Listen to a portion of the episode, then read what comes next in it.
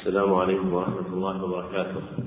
الحمد لله رب العالمين رب السماوات ورب الأرض رب العرش العظيم وأشهد أن لا إله إلا الله وحده لا شريك له وأشهد أن محمدا عبده ورسوله صلى الله عليه وعلى آله وصحبه وسلم تسليما مزيدا. أما بعد فهذا المجلس الأول من الدرس الخامس من برنامج اليوم الواحد الثامن. والكتاب المقروء فيه هو النكت على تقريب التهذيب للعلامة عبد العزيز بن باز رحمه الله. وقبل الشروع في إقرائه لا بد من ذكر مقدمات ثلاث. المقدمة الأولى التعريف بالمصنف وتنتظم في ستة مقاصد. المقصد الأول جر نسبه هو الشيخ العلامة القدوة عبد العزيز ابن عبد الله ابن عبد الرحمن آل بازل النجدي. يكنى بأبي عبد الله. ويعرف بابن باز نسبة إلى أحد أجداده.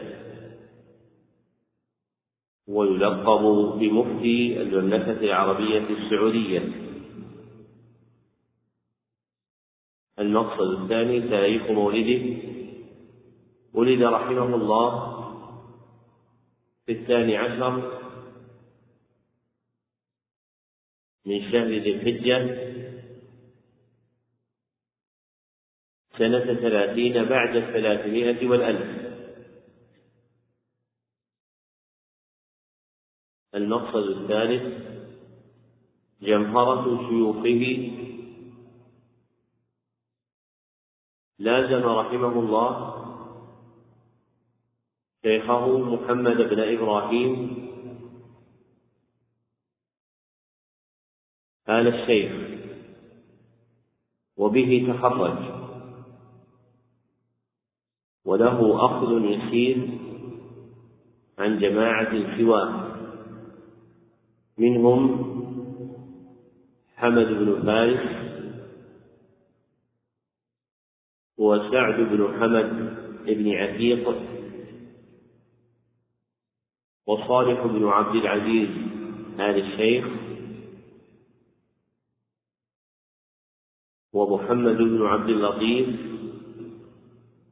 آل الشيخ. المقصد الرابع جمهرة تلاميذه.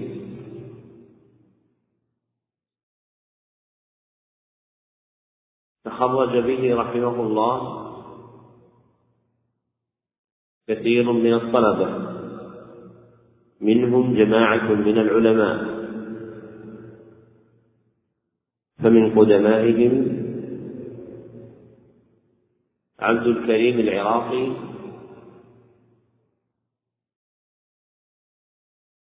هو فهد بن حميد وعبد الله بن قعود وعبد الرحمن بن ناصر البراء وعبد العزيز بن عبد الله الراجحي وعبد الكريم بن عبد الله الصدير رحم الله الأموات وحفظ الأحياء. المقصد الخامس ثبت مصنفاته. له رحمه الله مصنفات عدة منها ما حرره بإملائه ومنها ما كتب عنه في مجلس الدرس وعرض عليه. فمن تآليفه الفوائد الجلية في المباحث الفرضية والتحقيق والإيضاح وهو منسكه وهذان الكتابان هما أقدم تآليفه وأحبها إليه. ومنها أيضا حاشية بلوغ المرام. وشرح ثلاثة الأصول. والتحذير من البدع. وله مقالات وله مقالات متعددة وفتاوى منتشرة جمعت باسم مجموع الفتاوى والمقالات. المقصد السادس تاريخ وفاته. توفي رحمه الله قبيل فجر السابع والعشرين من محرم الحرام. سنة عشرين بعد الأربعمائة والألف. وله من العمر تسع وثمانون سنة. وشهر واحد وخمسة عشر يوما. رحمه الله رحمة واسعة. المقدمة الثانية التعريف بالمصنف وتنتظم في ستة مقاصد. المقصد الأول تحقيق عنوانه. اسم هذا الكتاب النكت على تقريب التهذيب. وهي تسمية من وضع جامع هذه الإفادات.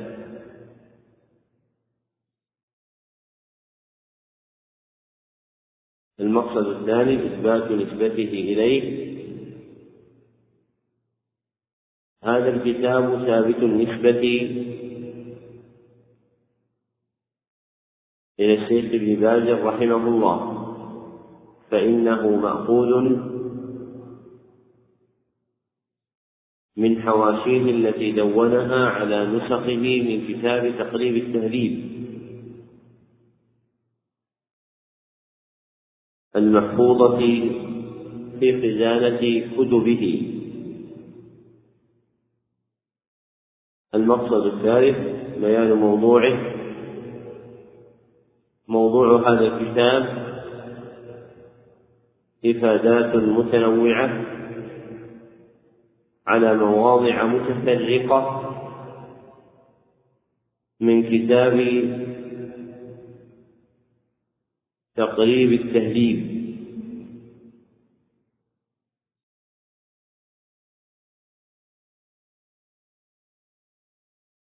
مما أثبت من كلام الشيخ ابن باز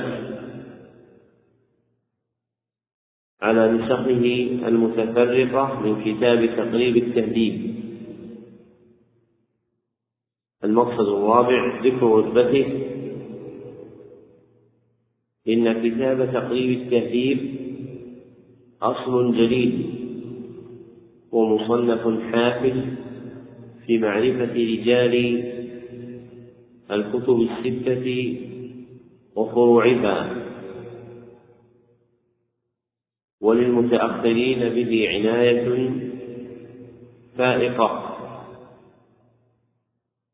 ولهم عليه حواش عدة. من أقدمها حاشية عبد الله بن سالم البصري.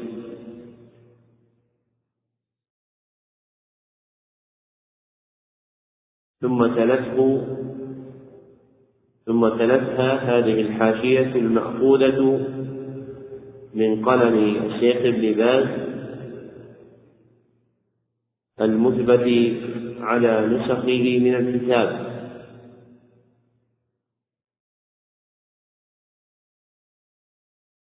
وهي حاشية نافعة.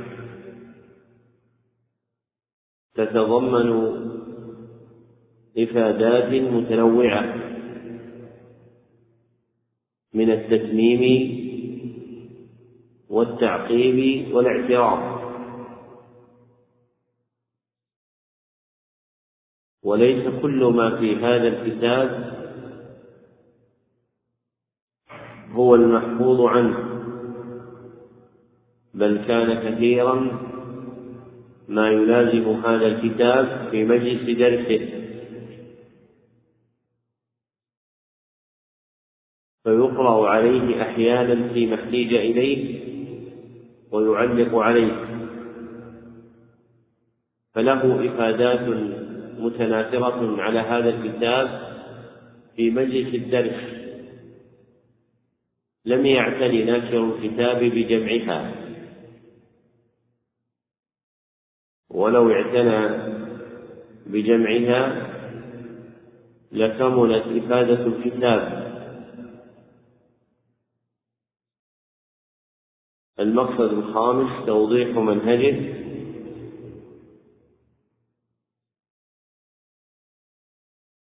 لم يلتزم صاحب الإفادات. وضع هذه النكت كهيئة كتاب. بل هي مأخوذة من طرر نسخته كما سبق.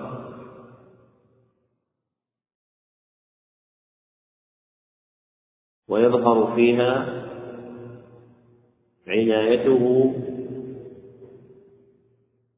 بتمحيص ما يقع في نسختك من وهم أو تعقب أو زيادة وإلحاق. وعمدته في أكثر ذلك كتاب التهذيب والتهذيب كتاب تهذيب التهذيب. كما أنه يراجع كما أنه يراجع أصول الكتاب كالكتب الستة وفروعها. المقصد الثالث العناية به. ظهرت العناية بهذه الإفادات في لون واحد هو جمعها ونشرها على الوضع الذي بأيديكم وهي محتاجة إلى التتميم بجمع إفادات الشيخ التي حفظت تسجيلا في دروسه القديمة على كتاب تقريب التهذيب.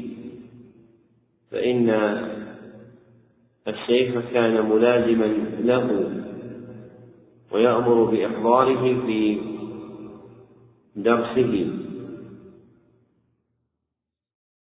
والمصنف رحمه الله له ولع وعناية بثلاثة كتب من كتب الحافظ ابن حجر.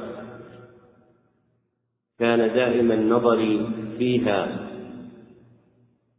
هي تقريب التهذيب وبلوغ المرام وفتح الباري. المقدمة الثالثة ذكر السبب الموجب لإقرائه.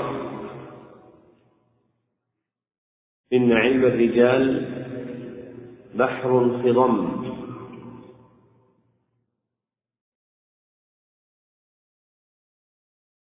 وإنما يؤخذ شيئا فشيئا بطرائق مختلفة. من جملتها إقراء هذا الكتاب الذي يطلع به المتلقي على قدر حسن من أنواع المباحث الحديثية المتعلقة بالرواة جرحا وتعديلا وما يتبع ذلك.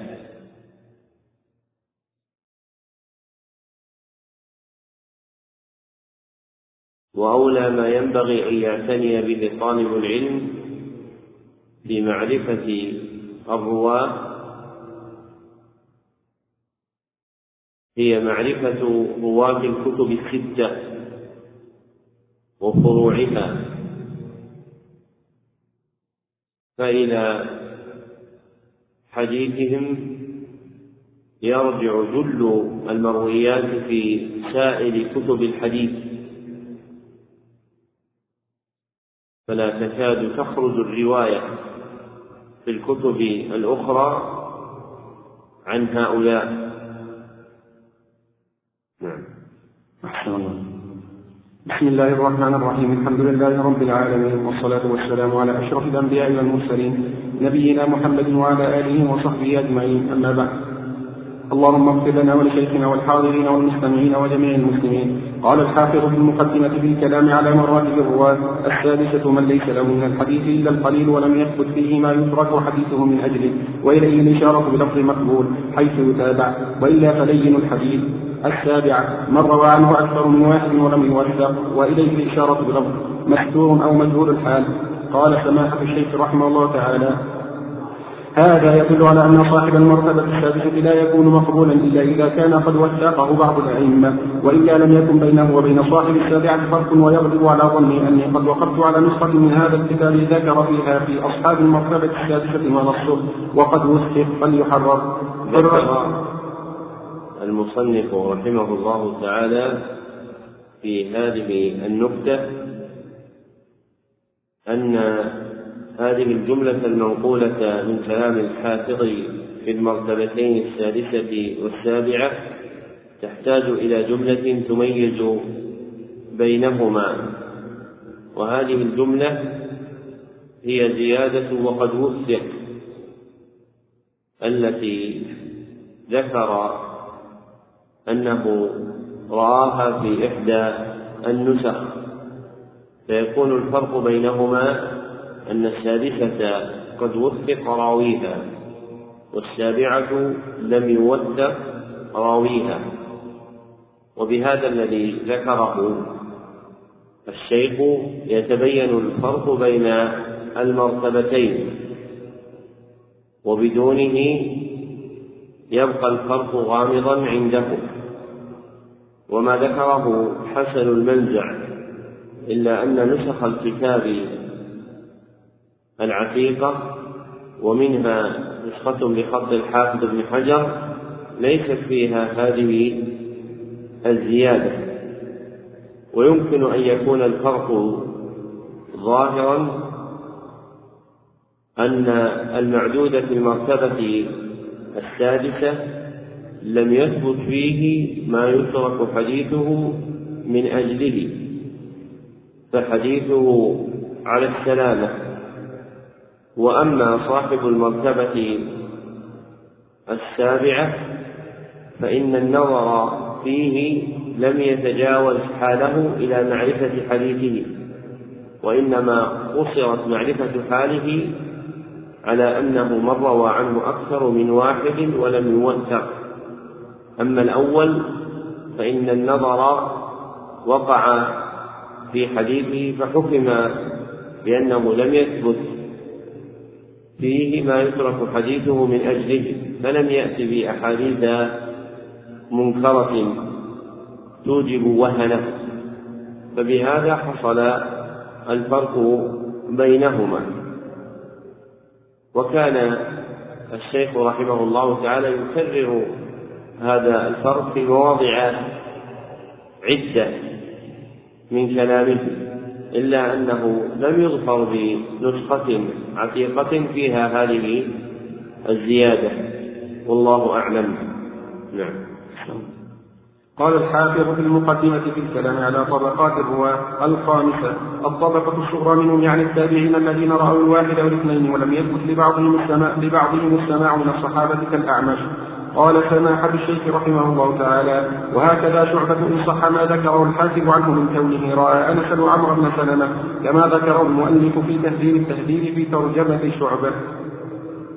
ذكر المصنف رحمه الله تعالى أن ممن يندرج في الخامسة شعبة بن الحجاج البصري وعلق ذلك بقوله إن صح ما ذكره الحاكم عنه من كونه رأى أنسا وعمر بن سلمة كما ذكره الحافظ نفسه في تهذيب التهذيب في ترجمة شعبة. إلا أن هذه الحكاية تفرد بها الحاكم ولم يذكرها غيره. والأشبه أن شعبة ليس من هذه الطبقة بل هو دونها. وإن الحافظ ابن حجر قد جعل التابعين في ثلاث طبقات فالطبقة الكبرى القدماء الذين كثرت روايتهم عن الصحابة والطبقة الوسطى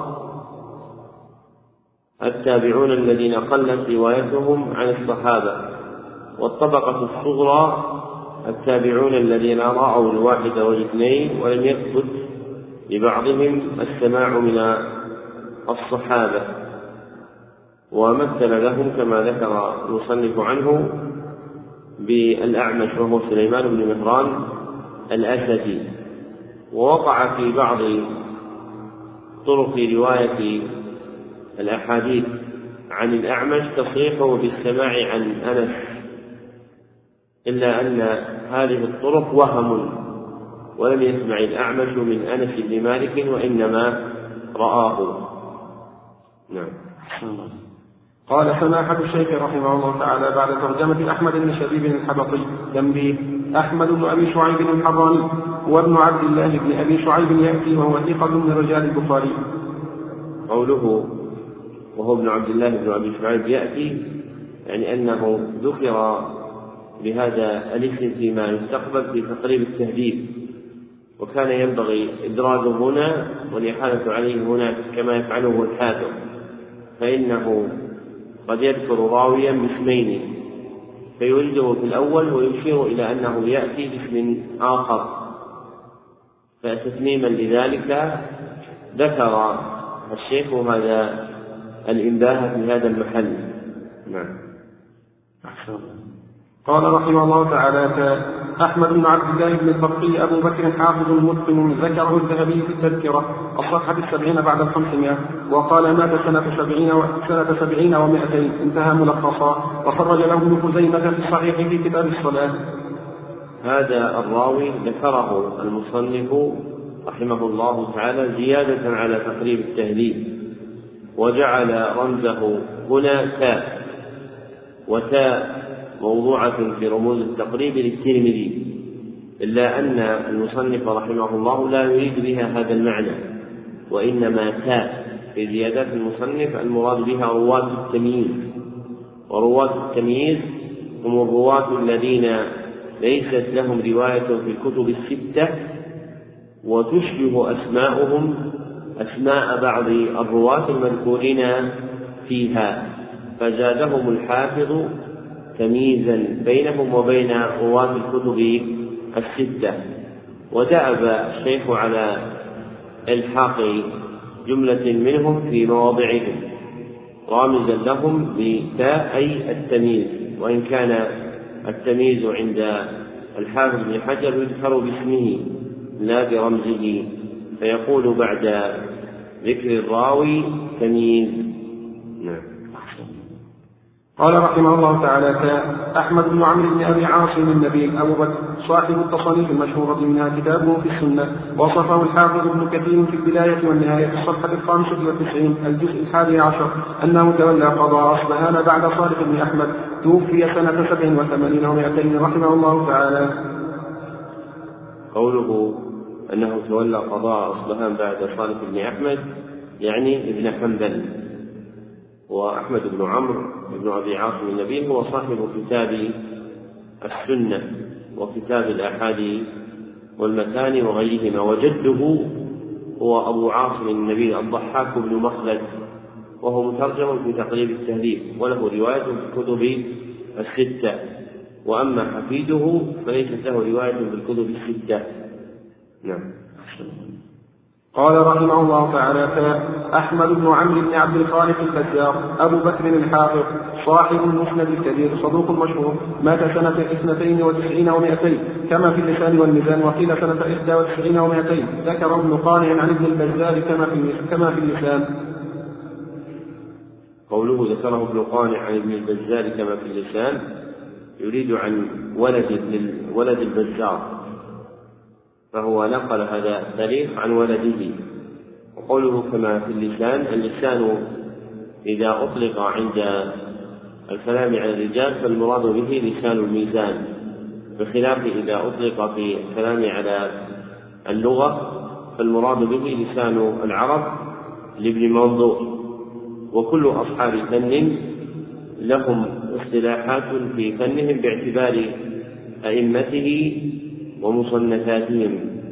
فقد يجعلون لقبا على أحدهم يشاركه غيره في التلقيب لكنه يفارقه مع اختلاف الفن. كقول المحدثين رواه الشيخان ويريدون بهما البخاري ومسلم. وأما القراء فإنهم إذا ذكروا الشيخين فإنهما يريدون بهم أبا عمرو الداني وصاحبه سليمان بن نجاح. نعم. قال الحافظ رحمه الله تعالى أحمد بن أبي عمرو أبو العباس اللوري يأتي في الكنى. قال سماحة الشيخ رحمه الله تعالى هو العصبري وهو ثقة كما يأتي في الكنى. قال الحافظ رحمه الله أحمد بن محمد بن إبراهيم الأبلي بضم الهمزة والموحدة وتشديد الله. يبنى أبا بكر بن العطار صدوق من الحادية عشرة مات سنة ثمان وسبعين. قال سماحة الشيخ رحمه الله تعالى علم عليه في الخلاصة بعلامة أبي داود وهكذا في تهذيب التهذيب فلعلها سقطت هنا. قوله علم عليه في الخلاصة الخلاصة هي خلاصة تدبير التهذيب للخزرج رحمه الله. وهو كتاب نافع. ككتاب الكاشف للحافظ الذهبي. ولو ضم هذان الكتابان إلى التقريب لكملت منفعته منفعة التقريب. فإن الحافظ الذهبي وتبعه الخزرجي يذكران طرفا من شيوخ الراوي وأصحابه زيادة على بيان حاله والحافظ ابن حجر أغفل هذا في تقريب التهذيب لئلا يطول الكتاب وعلامة أبي داود عندهم هي الدال نعم. الله. قال رحمه الله تعالى أحمد بن محمد بن إسحاق بن إسحاق أبو بكر بن السني اختصر سنن النسائي وسماه المجتبى وله كتاب العبد وله كتاب عمل اليوم والليلة وهو حافظ ثقة توفي سنة أربع وستين وثلاثمائة عن بضع وثمانين سنة. انتهى ملخصا من تذكرة الحفاظ للإمام الذهبي رحمه الله تعالى. قوله رحمه الله اختصر سنن النسائي وسماه المجتبى هذا أحد قولي أهل العلم في حقيقة كتاب المجتبى وإليه مال الذهبي وابن ناصر الدين الدمشقي في آخرين. والصحيح أن كتاب المجتبى من وضع النساء نفسه واسمه المجتبى من السنن المسندة. وليس لابن السني فيه مدخل إلا كونه راوي الكتاب عن مصنفه. فالنسائي له كتابان مشهوران في الرواية. هما كتاب السنن وكتاب المجتبى من السنن المسندة. فالأول يذكر باسم السنن الكبرى والثاني يذكر باسم السنن الصغرى وكلاهما من وضع النسائي وليس الثاني اختصارا للأول بل إن في السنن الصغرى أشياء زائدة ليست في سنن النساء الكبرى فليس هو مختصرا له بل هو كتاب مستقل بأصله. وأبو بكر السني هو أحد أصحاب النساء وقد روى عنه كتاب المجتبى كما أنه روى عنه قدرا من كتاب السنن الكبرى. وهذا القدر موجود في مواضع مختلفة من النسخة التي بأيدينا من المجتبى. فإن النسخة التي بأيدينا فيها مواضع منها مثلا قوله كتاب الزينة من المجتبى. ثم لما فرغ منه قال كتاب الزينة من السنن. هذا يدلك على أن ابن السني راوي عن النسائي وأنه روى عنه كتاب المجتبى تاما وروى عنه أشياء متفرقة من كتاب السنن الكبرى. أدخلت في روايته للسنن الصغرى المسماة بالمجتبى وميزت بمثل هذه العبارة التي ذكرت لك. نعم.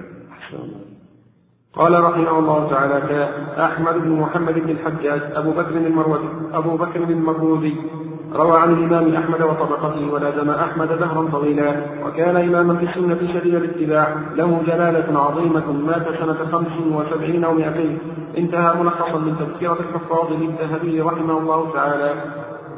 قوله المرودي بالدال المعجمة نسبة إلى مرو الغوض مدينة من مدن بلاد خراسان.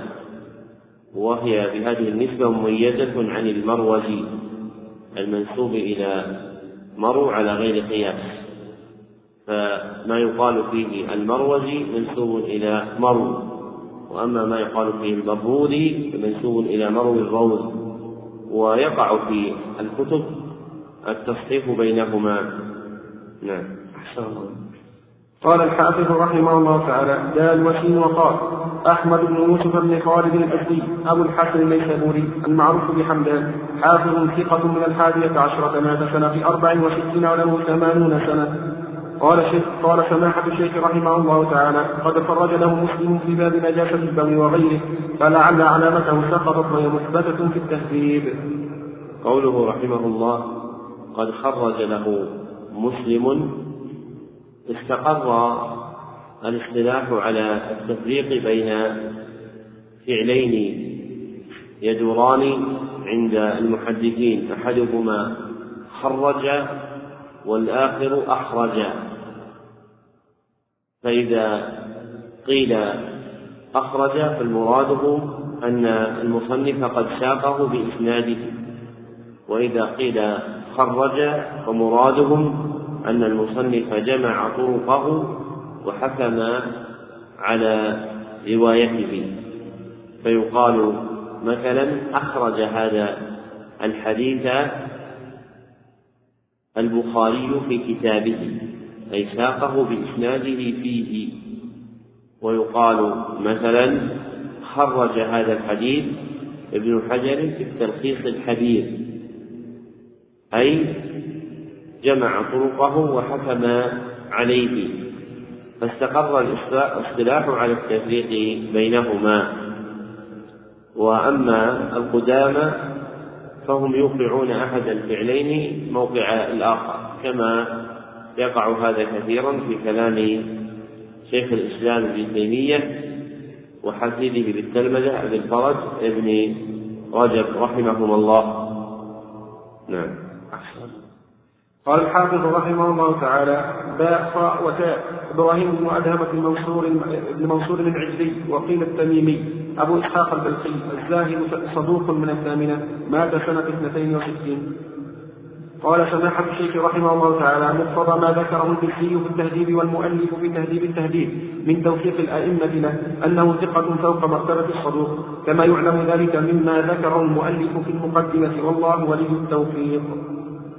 هذه النكتة عقب فيها الشيخ رحمه الله الحافظ ابن حجر في حكمه على إبراهيم ابن أدهم فإن الحافظ جعله صدوقا وعند الشيخ هو فوق ذلك فإن ابن حجر ذكر في تهذيب التهذيب توثيقه عن جماعة من الأئمة. فهو يكون بمرتبة الثقة. لكن الحافظ والله أعلم جعله صدوقا لما غلب عند المحدثين من أن الزهاد لا ينفكون عن الغلط والوهم في الحديث مع قلة حديث إبراهيم بن أدهم فلاجتماع هذين المعنيين نزل به الحافظ ابن حجر عن مرتبة الثقة إلى الصدوق. وإن كان الأشبه والله أعلم كونه ثقة لأن الأصل الذي ذكرناه في حال الزهاد وإن كان يشبه أن يكون مضطردا بل نسب إليهم الكذب أي لا يتعمدونه. كما جاء ذلك عن يحيى بن سعيد في قوله ما رأينا مثل كذب زهادنا في الحديث أي غلطهم لأنه تغلب عليهم العبادة فيقع منهم الغلط في الحديث. فمع وجود هذا الأصل وقلة حديث إبراهيم بن أدهم إلا أن ذلك لا ينزل به عن كونه ثقة والله أعلم. نعم. قال رحمه الله تعالى كإبراهيم بن إسماعيل بن إبراهيم بن علية يروي عن أبيه وقال ذهبي بن ميزان جهمي هالك. انتهى المقصود وللفائدة والتمييز ذكرناه ها هنا ونسأل الله العافية مما ابتلاه به. أما أبوه إسماعيل بن إبراهيم فثقة حافظ معروف كما ذكره المؤلف فيما يأتي. ذكر المصنف تمييزا راويا مشهورا لا في باب الرواية. وإنما في أبواب العلم وهو إبراهيم بن إسماعيل بن إبراهيم بن علية.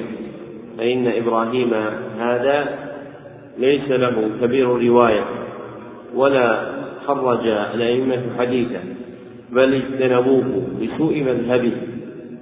ولكن له ذكر كثير فهو ابن علية الذي يذكر في كتب أصول الفقه وبعض كتب مصطلح الحديث في المسائل الأصولية المذكورة في مصطلح الحديث.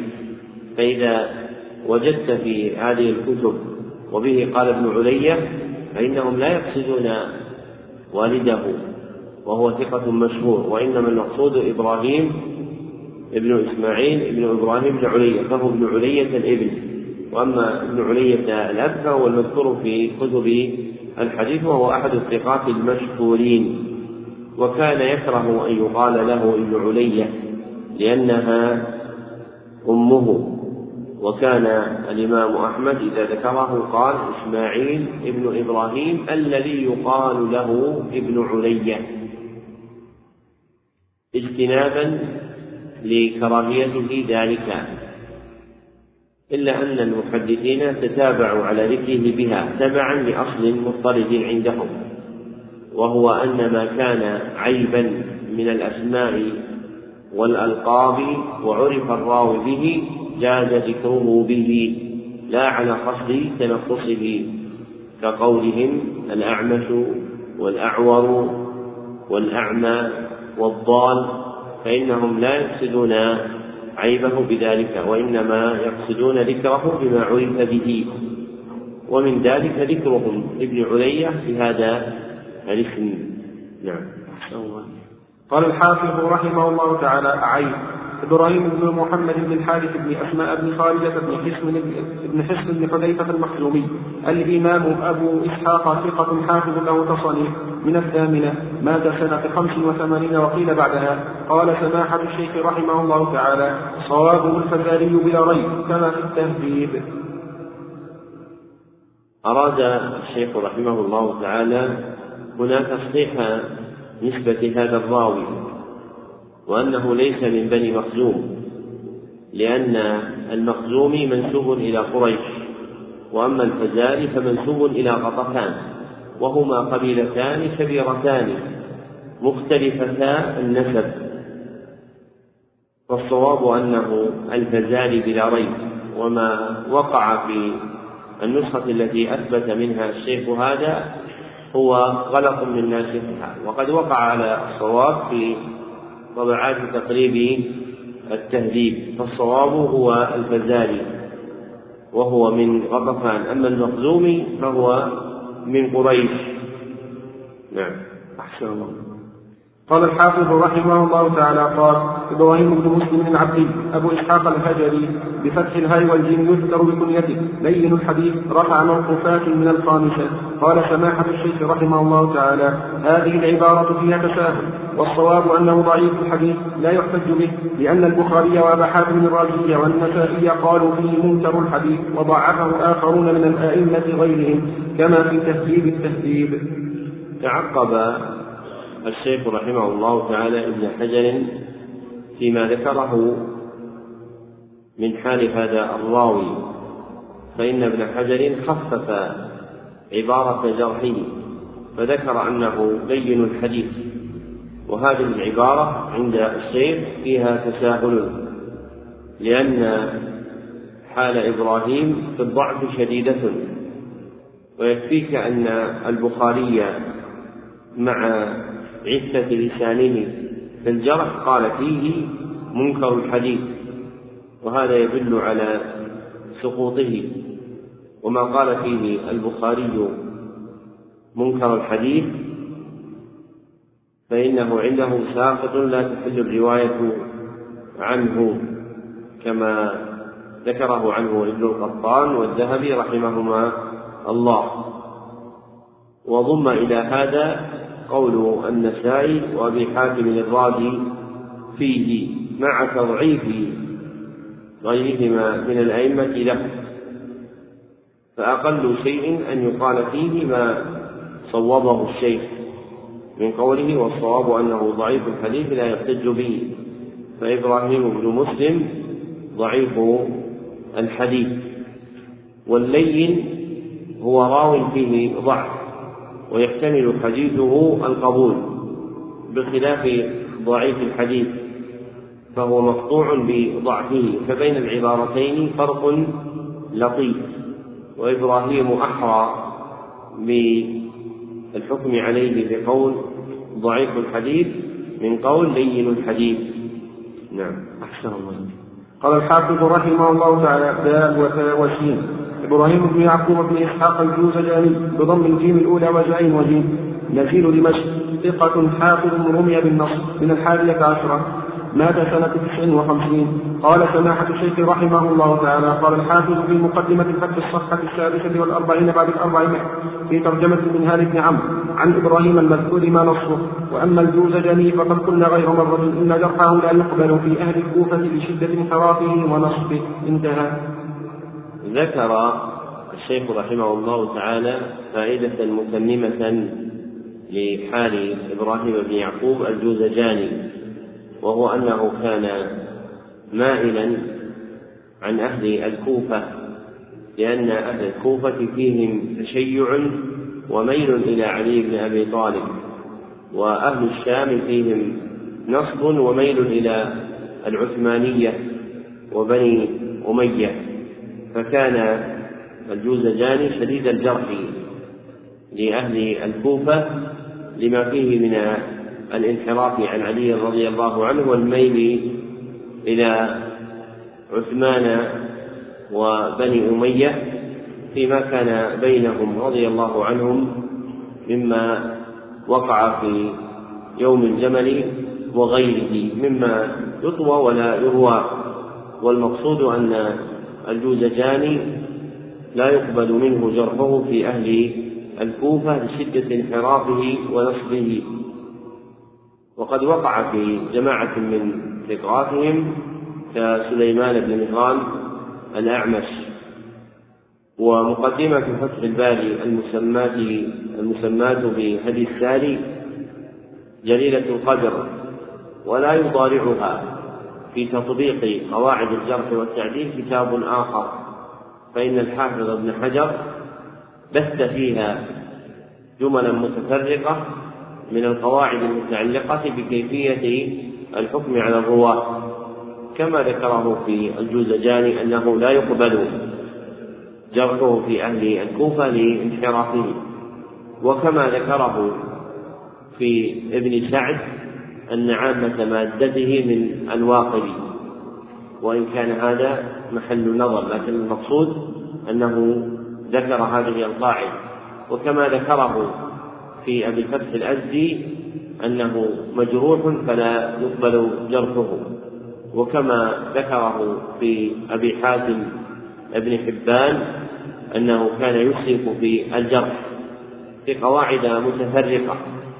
فهذا الكتاب عظيم الفائدة في الفصل الذي يتعلق برجال البخاري وهو من أحسن الكتب التي يتعرف منها ملتمس العلم كيفية الحكم على الرجال بإعمال قواعد الجرح والتعديل فهو كتاب نافع حقيق بأن يقرأه على شيخ من أراد أن يتخرج في هذا الفن بفهمه تطبيقا. نعم. أحسن الله قال الحافظ رحمه الله تعالى عين أسامة بن زيد بن حارثة بن الكلبي الأمير أبو محمد وأبو زيد. صحابي مشهور مات سنة أربع وخمسين وابن خمس وسبعين بالمدينة. قال سماحة الشيخ رحمه الله تعالى هذا فيه نظر. وذكر الحافظ في تهذيب التهذيب عن ابن سعد وابن حبان أن عمره حين توفي النبي صلى الله عليه وسلم عشرون سنة. ونقل عن ابن أبي خيثمة أن عمره حين توفي النبي صلى الله عليه وسلم ثمانية عشرة سنة. وهذان القولان في سنه حين توفي النبي صلى الله عليه وسلم أصح.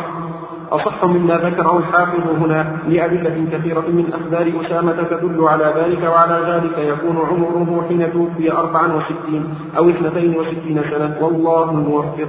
تعقب الشيخ رحمه الله تعالى ما ذكره الحافظ في مدة عمر أسامة رضي الله عنه عند موته. فإن أسامة مات سنة أربع وخمسين. فيكون قد عاش بعد النبي صلى الله عليه وسلم ثلاثا وأربعين سنة لأن النبي صلى الله عليه وسلم توفي في السنة الحادية عشرة وهو توفي في سنة أربع وخمسين فيكون قد عاش بعده ثلاثا وأربعين سنة وهو عندما مات النبي صلى الله عليه وسلم عمره عشرون سنة وقيل تسعة عشر سنة وقيل ثمان عشرة سنة. وحينئذ على كل الأقوال فإنه يكون دون ذلك. فإما أن يكون عمره ثلاث وستون سنة أو اثنتان وستون سنة أو إحدى وستون سنة ولم يبلغ قدر ما ذكره الحافظ رحمه الله تعالى من أنه مات وهو ابن خمس وسبعين سنة في المدينة. وأكثر أصحاب النبي صلى الله عليه وسلم لم يعمروا فإن المعمر فيهم قليل. والمعمر عند المحدثين هو من جاوز الثمانين. فإذا جاوز الثمانين قيل فيه معمر لأن أعمار هذه الأمة بين الستين والسبعين كما ثبت في الصحيح. فما زاد عن ذلك سمي معمرا. والغالب أن التعمير يكون في أهل الحديث. من بركة الحديث وحفظه في هذه الأمة. فإن الله عز وجل يمد في أعمال أهل الحديث حتى يبلغوا ما رواه من الحديث إلى غيرهم بعلو. فيبقى العلو مختصا بأهل الحديث دون غيرهم ويمد في أعمالهم ببركة حديث النبي صلى الله عليه وسلم. وكان أبو طاهر المسكنة يرتجز فيقول أنا من أهل الحديث وهم خير فئة جزت تسعين وأرجو أن أجوزن المئة. فجاوز المئة رحمه الله تعالى. وإلى ذلك أشار البرهان إبراهيم الرياحي أحد علماء تونس فيما أنشدناه. محمد بن البقالي قال أنشدنا عبد الحي الكتاني قال أنشدنا إبراهيم الرياحي قال أهل الحديث طويلة أعمارهم ووجوههم بدعاء النبي منظرة. وسمعت من بعض المشايخ أنهم أرزاقهم أيضا به متكثرة. نعم. قال رحمه الله تعالى إسحاق بن إبراهيم الدبري خرج له أبو عوانة في صحيحه وقال فيه الدار صدوق يدخل حديثه في الصحيح وأكثر عنه الطبراني وقال في الدار قطني صدوق يدخل حديثه في الصحيح وأكثر, وأكثر عنه الطبراني وأسمعه أبوه من عبد الرزاق تصانيفه وهو ابن سبع سنين. مات سنة سبع وثمانين ومائتين انتهى ملخصا من الميزان. هذا الراوي ذكره الشيخ تمييزا كما سبق الحاقا بموضعه له في تقريب التهذيب. ولخص ذلك من كتاب الميزان. والميزان إذا أطلق عند المحدثين فالمراد به ميزان الاعتدال للحافظ الذهبي.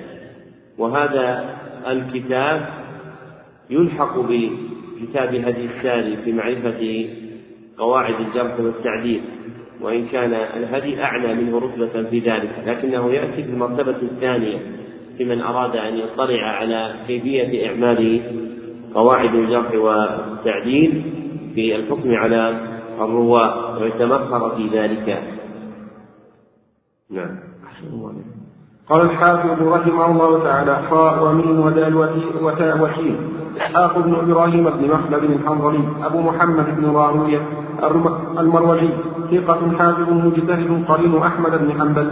ذكر أبو داود أنه تغير قبل موته بيسير مات سنة سنة ثمان وثلاثين وله اثنان وسبعون. قال سماحة الشيخ رحمه الله تعالى هذا يوافق قول موسى بن هارون في أنه ولد سنة ست وستين ومئة وقال غيره سنة إحدى وستين ومئة. وهذا يوافق ما نقله في التهذيب عن البخاري أن عمره حين توفي سبع وسبعون سنة. والله أعلم. أراد المصنف رحمه الله تعالى الإعلام بأن مدة عمر الحافظ إسحاق بن إبراهيم قد اختلف فيها وليست مما اتفق عليه كما ذكر الحافظ أن له 72 سنة. بل البخاري رحمه الله تعالى نقل أن عمره سبع وسبعون سنة.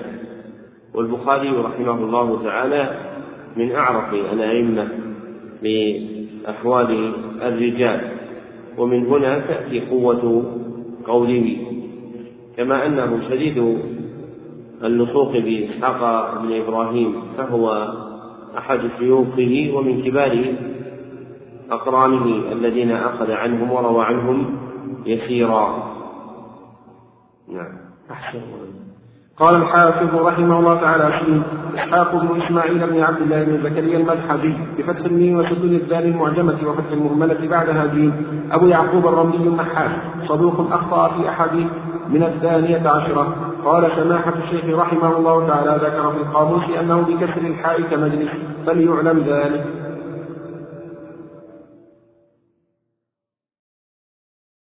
ذكر الشيخ رحمه الله تعالى تعقبا على الحافظ في ضبطه للمنهج. فنقل من القاموس أنها بكسر الحاء وليست بفتحها كما ذكره الحافظ. وبمثل هذا الضبط ضبطها ابن السمعاني في كتاب الأنساب. والقاموس هو القاموس المحيط للفيروز أبابي أحد شيوخ الحافظ ابن حجر رحمه الله تعالى.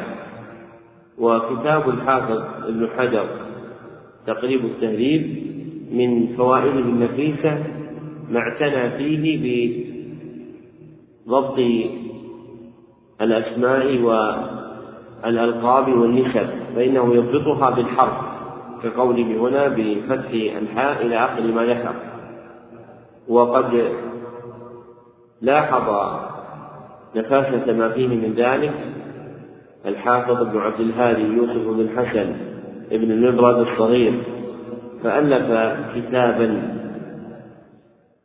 جمع فيه ما ضبطه ابن حجر في تقريب التهذيب سماه فيما أظن تقييد من غبر بمن ضبطه ابن حجر أي في تقريب التهذيب وهو موجود بخطه لكن منفعة كتاب ابن عبد الهادي قليلة لأنه جعله على ترتيب التقريب بحسب ما يذكره الحافظ. فإذا ذكر الحافظ ضبطا في اسم أورد الترجمة كاملة. فقال إسحاق بن إسماعيل بن عبد الله بن زكريا المنهجي بفتح الميم إلى آخره. وهنا لا يطلع على هذا الضبط إلا من يعرف أن إسحاق بن إسماعيل هو من هذه القبيلة. وكان ينبغي أن يرتبه على الكلمة المضبوطة فيجعل الملحد في حرف الميم بحيث إذا أراد الإنسان أن يعرف ضبط الحافظ بن حجر نظر في هذا الحرف ونظر في الكلمة المدحج فوجدها فيه فوصل إلى ضبطها.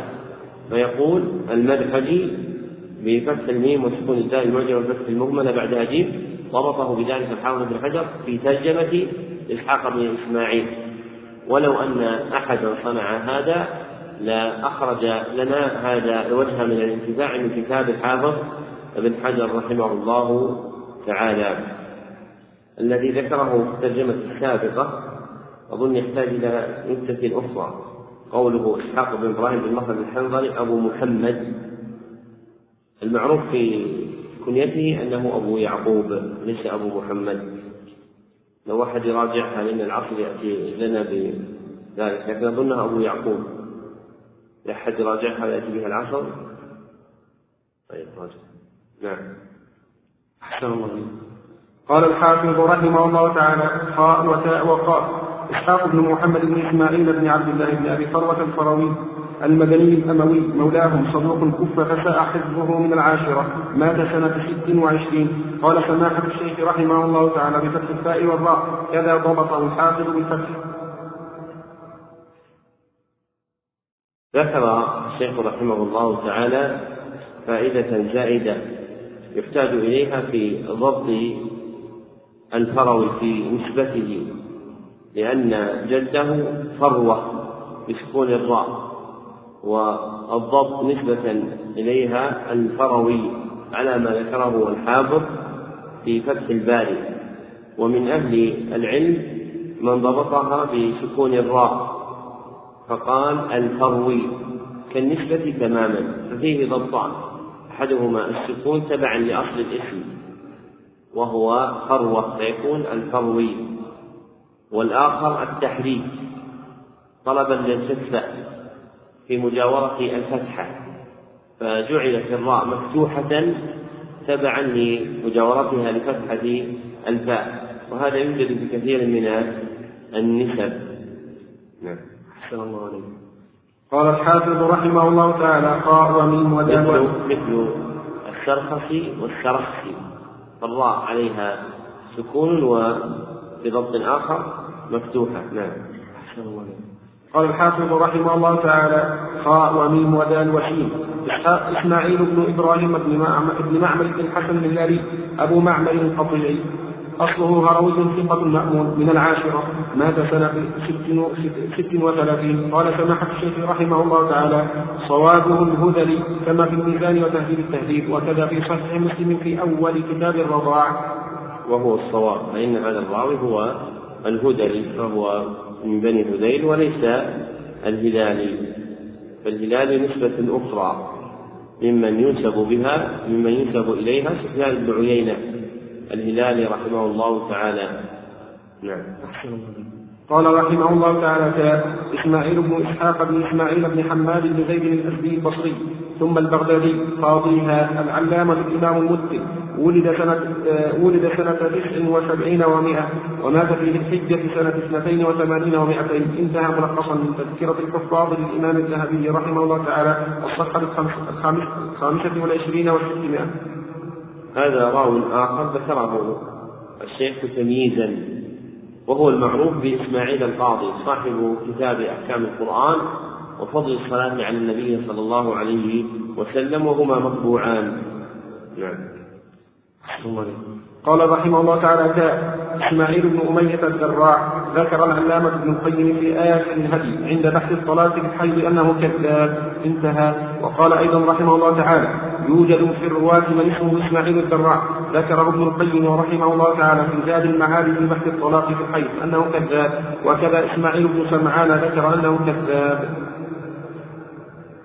ذكر الشيخ رحمه الله تعالى راو آخر تمييزا هو إسماعيل بن أمية وأشار إلى أن الحافظ ابن حجر إلى أن الحافظ ابن القيم تعرض لبيان حاله في الهدي والهدي هو زاد المعاد فإن العلماء يسمونه الهدي النبوي ومنهم من يسميه الهدي ولا يسمونه اختصارا بالزاد لأن الزاد عند الحنابلة إذا أطلق فالمراد به زاد المستقنع فهم إما أن يقولوا زاد المعاد تاما وإما أن يقولوا ذكره ابن القيم في كتاب الهدي أو كتاب الهدي النبوي. وبهذا اشتهر كتاب ابن القيم فإن كتاب ابن القيم اشتهر اسمه بالهدي أكثر من اشتهاره بزاد المعاد. وتجد نقولا عنه في فتح الباري وغيره باسم الهدي. وقد نظمه أحد علماء اليمن وسمى نظمه النفس السوي في نظم الهدي النبوي وهو نظم متين. اقتصر فيه على مهمات الهدي النبوي في أحوال النبي صلى الله عليه وسلم التي ذكرها ابن القيم وشرحه أيضا اثنان من علماء اليمن. طبع أحد الشرحين وطبع مختصره أيضا لبعض متأخر علماء اليمن.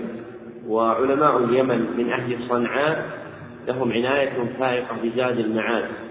فإن زاد المعاد عندهم أحد الكتب المقررة في الدرس وهم يشاركون بهذا علماء نجد فإن أهل هذين القطرين اعتنوا بكتاب زاد المعاد كثيرا ولا يزال هذا الكتاب يقرأ في البلدين إلا أن إقراءه في صنعاء أكثر من إقراءه في نجد اليوم إنه من الكتب التي تقرأ في حلقات الدرس عندهم.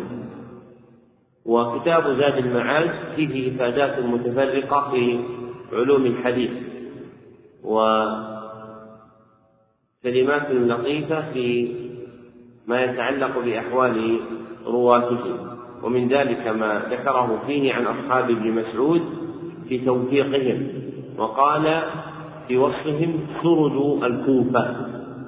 فإن الكوفة لم يكن فيها ممن يصدق ويقدم في الدين والرواية إلا أصحاب ابن مسعود. أما أصحاب علي رضي الله عنه فقد دخلهم الداخل. حتى قال عبيدة السلماني رحمه الله لم يكن يصدق عن علي إلا أصحاب ابن مسعود. ومن إفادات الحافظ ابن القيم في زاد المعاد ما ذكره في حال إسماعيل الزراع من أنه كذاب. وقول الشيخ رحمه الله وكذا إسماعيل بن سمعان كذاب ذكر أنه كذاب. والذي في زاد المعاد عند هذا الموضع إنما هو عبد الله بن زياد ابن سمعان. وليس فيه ذكر لراو اسمه إسماعيل بن سمعان. فهو سبق ذهن من الشيخ رحمه الله تعالى. وسمعان يجوز في سينها الفتح والكسر فيقال سمعان وسمعان. نعم.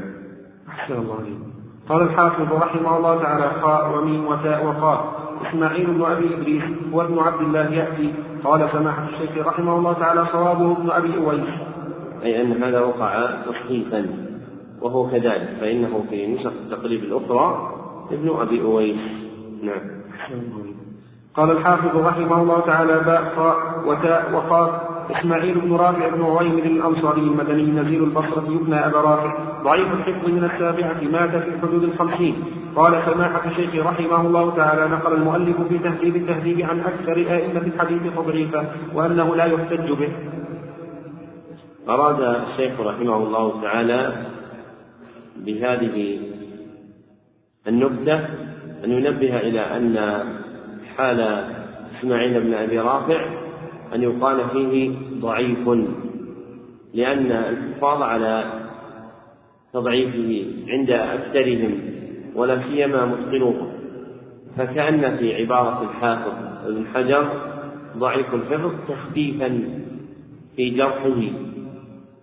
بخلاف القطع بذلك وقول ضعيف لأن الحفظ هو أحد موارد الحكم على الراوي فإن الراوي يحكم عليه من جهة حفظه ومن جهة عدالته. فأراد الشيخ أن ينبه إلى أن الإتيان بكلمة دالة على القطع بحاله أولى من قول ضعيف الحفظ. فقد يوهم أنه يستقيم حاله في غير ذلك ككتابه فإنه من الرواة من إذا حدث من حفظه كان ضعيفا وإذا حدث من كتابه كان متقنا. وإسماعيل بن رافع ليس من هؤلاء بل هو ضعيف مطلقا سواء في حفظه أو في كتابه. فكان الأولى أن يقول يكنى أبا رافع ضعيف من السابعة ومعنى قول المحدثين في ترجمة راوي ما نزيل كذا نحو نزيل البصرة أي أنه ليس من أهلها وإنما نزل بينهم. ومن هذا قولهم معمر بن راشد البصري نزيل اليمن فهو بصري الأصل لكنه توطن اليمن.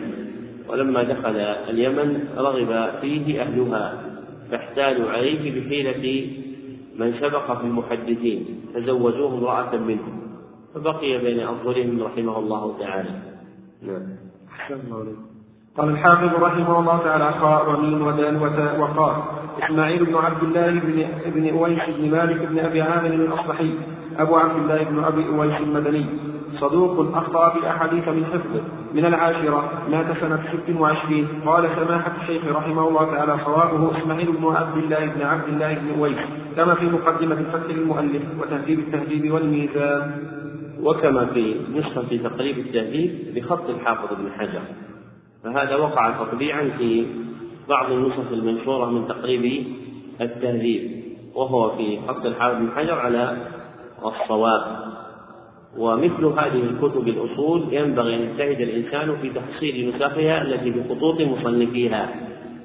ولذلك من من الأصول التي تحسن معرفتها في جمع النسخ الخطية أن تعتني بجمع نسخ الكتب البالغة الأهمية التي بخطوط المصنفين أو عليها خطوطهم أو قريبة العهد منهم فإن هذا يؤمنك من الغلط الذي يقع فيها مثل كتاب تقريب التهذيب فإن كتاب تقريب التهذيب في طبعاته تطبيعات كثيرة سوى النسخ التي طبعت في أخرة ولا سيما النسخة الأخيرة بتحقيق الشيخ محمد عوامة والأخرى بتحقيق الشيخ عبد الأشبال.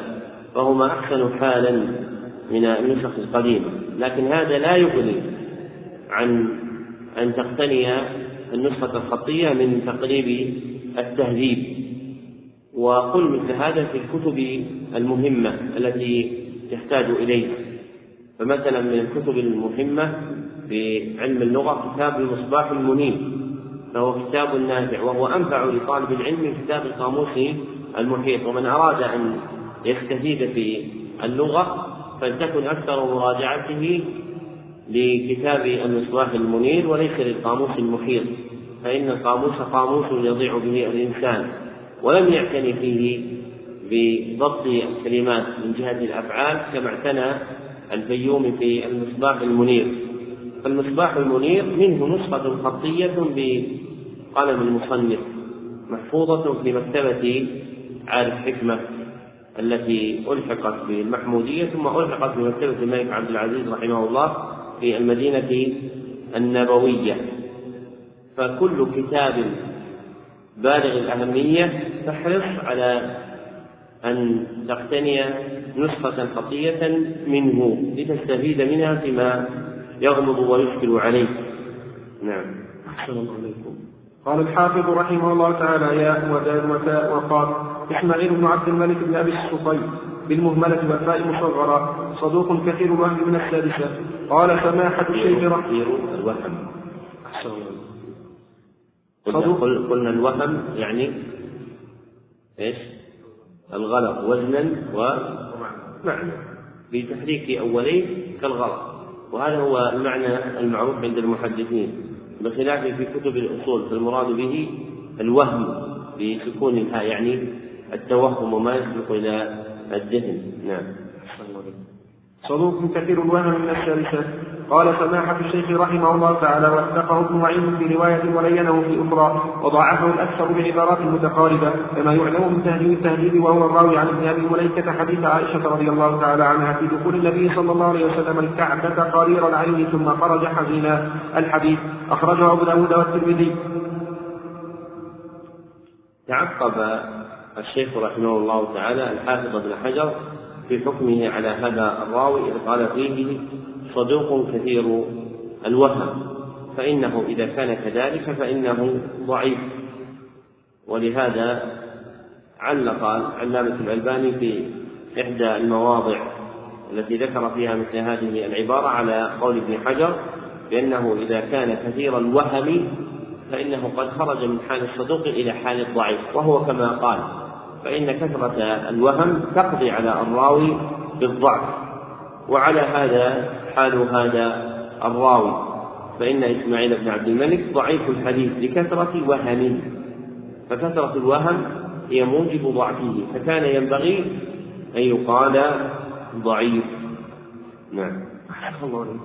قال الحافظ رحمه الله تعالى خاء وميم ودال وسين وخاء إسماعيل بن عبيد الله بن المهاجر المخزومي مولاهم الدمشقي أبو عبد الحميد ثقة من الرابعة.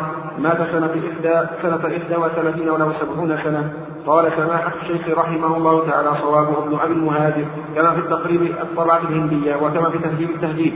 وسمى جده بتهذيب التهذيب أقرم وكناه أبا المهاجر. قال قال الحافظ رحمه الله تعالى عين صاد وميم ودال وشين وقاف. إسماعيل بن عمر الواسطي أبو المنذر نزيل بغداد ثقة من التاسعة مات بعد المئة. قال سماحة الشيخ رحمه الله تعالى صوابه بعد المئتين.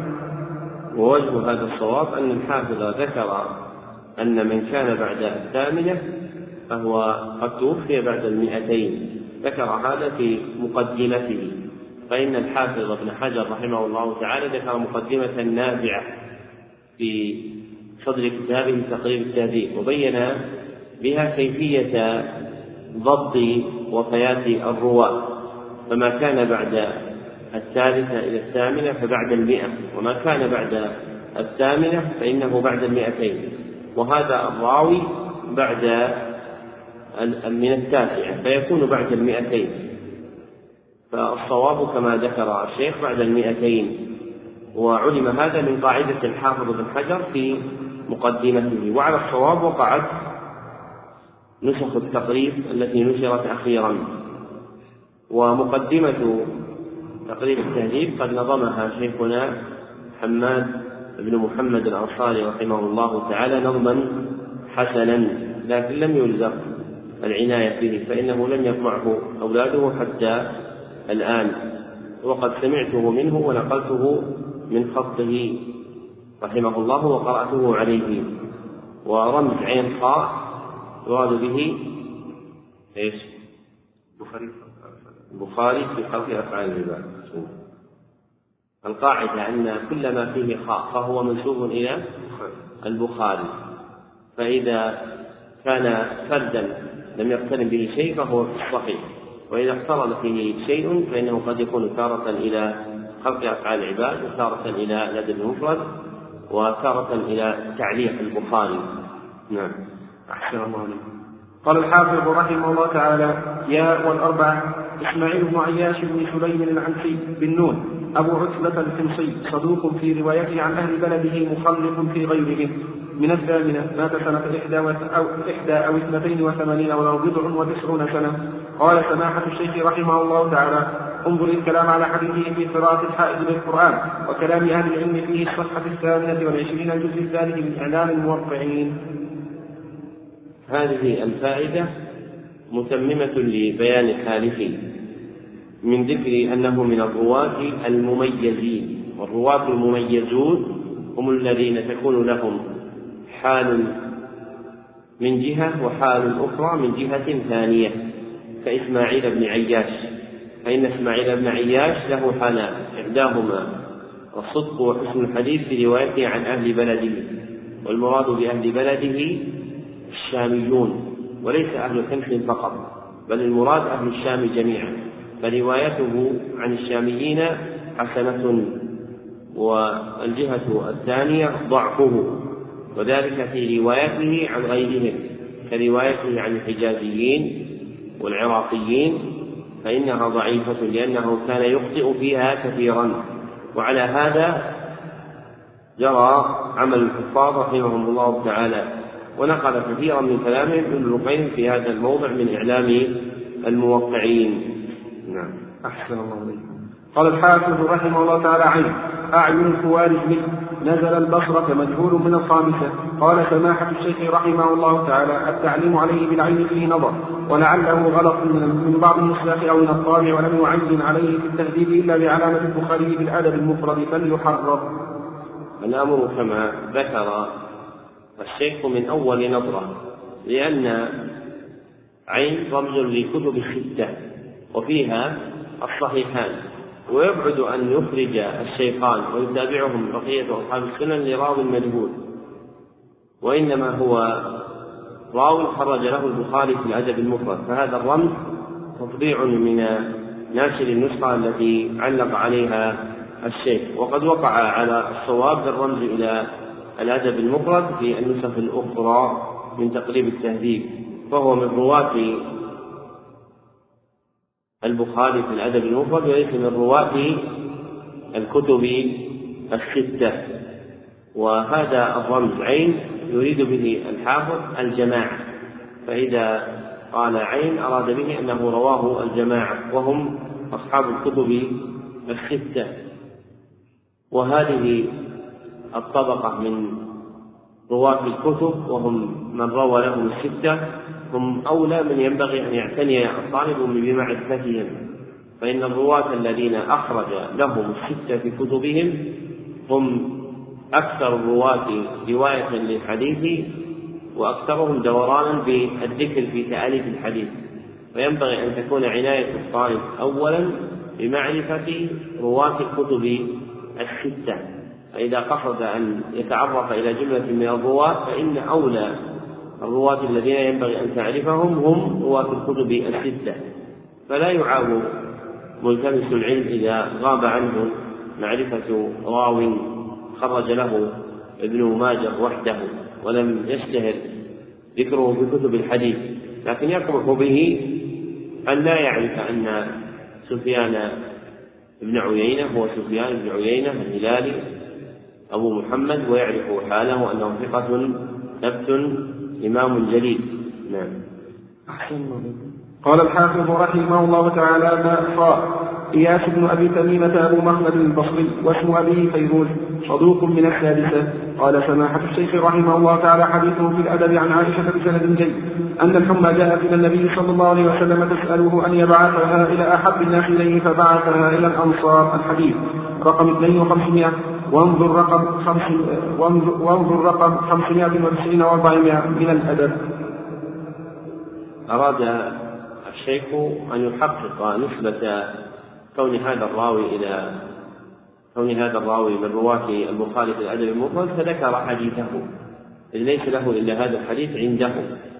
وقول الشيخ حديثه في الأدب أي في الأدب المفرد ولا ينبغي أن يذكر أحد حديثا في كتاب الأدب من صحيح البخاري ثم يقول أخرج له البخاري في الأدب. يريد في كتاب الأدب من صحيحه لأن الأدب إذا أطلق يراد به عند البخاري كتابه المسمى بالأدب المفرد وسمي مفردا لأنه كتاب آخر له في الأدب سوى الكتاب الذي أورده في صحيحه فإن البخاري له في صحيحه كتاب الأدب. وله كتاب ثاني هو كتاب الأدب المفرد. وكتاب الأدب المفرد من أحسن كتب أهل الحديث التي صنفوها في الآداب. فإن أهل الحديث صنفوا بحمد الله في الآداب والأخلاق كتبا. منها الأدب المفرد للبخاري ومنها الأدب لأبي شيبة ومنها أخلاق النبي صلى الله عليه وسلم لأبي شيخ الأصبهاني ومنها الآداب للبيهقي. وأحسن هذه الكتب كتاب الأدب المفرد وهو من الكتب التي ينبغي أن يعتني الطالب بتلقيها عن الشيوخ استشراحا لها لأن من أعظم مخارج الأدب وطرق معرفته الابتداء بهدي النبي صلى الله عليه وسلم وما كان عليه السلف الصالح. ومن أجمع الكتب بذلك كتاب الأدب المفرد. وللشيخ فضل الله الجيلاني شرح على هذا الكتاب مطبوع متداول كما أن بعض المعاصرين شرحوه أيضا. وللعلامة الألباني شرح عليه لأنه محفوظ تسجيلا ولم يفرغ ولم يطبع بعد وهو شرح نافع. نعم. أحسن الله قال الحافظ رحمه الله تعالى جاء الوشم وقال إياس بن أبي رملة الشامي مجهول من الثالثة. قال سماحة الشيخ رحمه الله تعالى ذكر المؤلف في تهذيب التهذيب أنه وثقه ابن حبان ونقل عن ابن المنذر وابن الخطاب أنه مجهول واعتمد قولهما هنا وقد صحح ابن المديني وابن خزيمة حديثه عن عن زيد بن أرقم عن زيد بن أرقم في الاحتفال بصلاة الغير بالجمعة في حق من حضرها وظاهر تصحيحهما لحديثه توثيقهما له كما فعل ابن حبان ولعل ابن حبان اعتمد على تصحيحهما لحديثه فوثقه والله أعلم. تعقب الشيخ في هذا الموضع الحافظ ابن حجر في حكمه على إياس بن أبي رملة أنه مجهول. والحافظ رحمه الله أخذ هذا عن ابن المنذر وابن القطان. وقد وقع لهذا الراوي ما يقويه وهو تصحيح ابن المديني وابن خزيمة لحديثه. وقد ذكر الحافظ الذهبي رحمه الله تعالى في الموقظة أن من لم يوجد فيه تعديل وصحح له مثل ابن خزيمة وابن حبان والحاكم فإنه من جملة الصدوقين وذلك حق ولا سيما إذا اقترن بتصحيح علي بن المديني فإن علي بن المديني فوق هؤلاء في التثبت في الحكم على الأحاديث وشرطه في ذلك أشد من شرطه. فإذا وجدت راويا خاليا من الجرح وقد صحح له الحفاظ مثل ابن خزيمة وابن حبان والحاكم وهذا أكثر ما يكون فإنه حسن الحديث. فإذا اقترن ذلك بتصحيح مثل علي المديني فلا يرتاب عاقل في أن هذا الراوي صدوق. وإذا انضم إلى ذلك أن حديثه قليل لم يتردد الناظر في كونه صدوقا غير مجهول. نعم. أحسن الله قال الحافظ رحمه الله تعالى سين أي فاء بالتحتانية والفاء, والفاء بوزن أحمد ضعيف من الخامسة. قال سماحة الشيخ رحمه الله تعالى هذا ذكره في تهذيب التهذيب غير منسوب وذكره الحافظ ابن كثير في تفسير قوله تعالى قال كم لبثتم في الأرض عدد سنين من سورة المؤمنون عن ابن أبي حاتم عن أبيه عن محمد بن الوزير عن الوليد قال حدثنا صفوان عن ايفع بن عبد بن عبد الكلاعي أنه سمعه يخطب الناس فقال قال رسول الله صلى الله عليه وسلم إن الله إذا أدخل أهل الجنة الجنة وأدخل أهل النار النار فلعل ايفع هذا هو ايفع المذكور في الترجمة هنا. قصد الشيخ رحمه الله تعالى في هذه النكتة الإيقاف على ما قد يستفاد منه في نسبة أيفع الذي ذكره الحافظ غفلا من سرد نسبه وبيان نسبته. فأورد حديثا أخرجه ابن أبي حاتم روايته عن أيفع بن عبد الكلاعي. فكأن الشيخ يميل إلى ذلك لقوله فلعل أيفع هذا هو أيفع المذكور في الترجمة هنا. وفي ذلك نظر لأن أيفع الذي ذكر هنا وخرج له النسائي راو قديم الوفاء فإنه يروي عن طبقة متقدمة من الصحابة.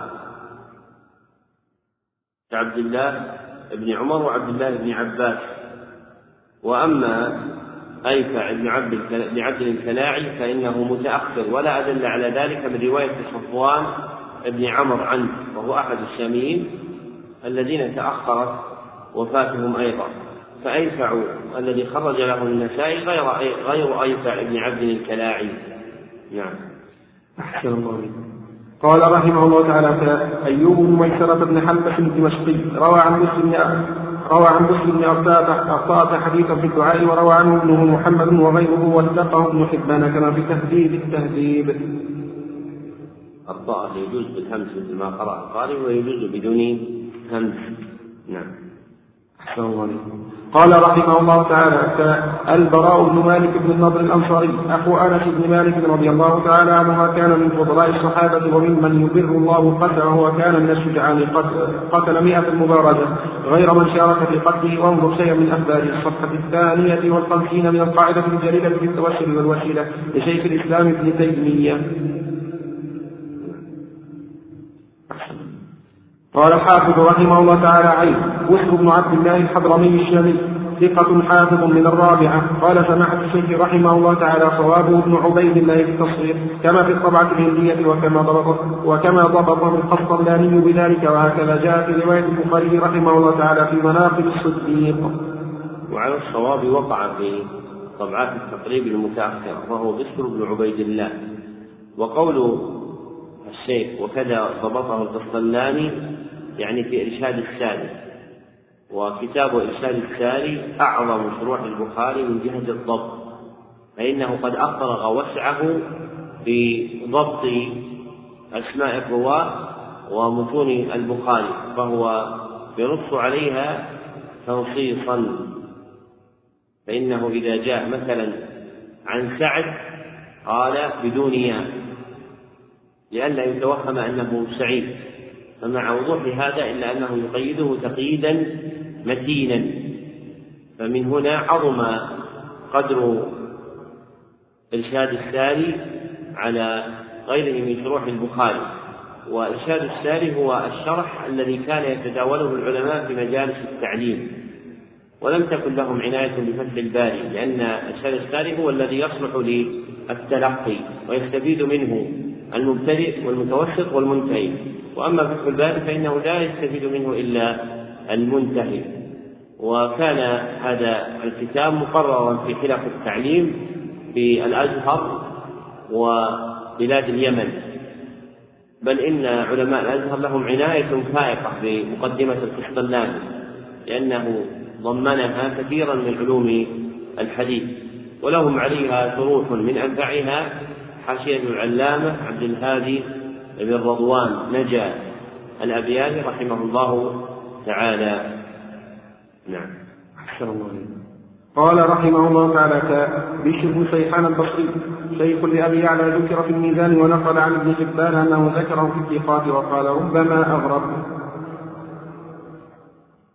قوله رحمه الله تعالى ذكر في الميزان ونقل عن ابن حبان أنه ذكره الثقات وقال ربما أغرق جملة مركبة من شيئين.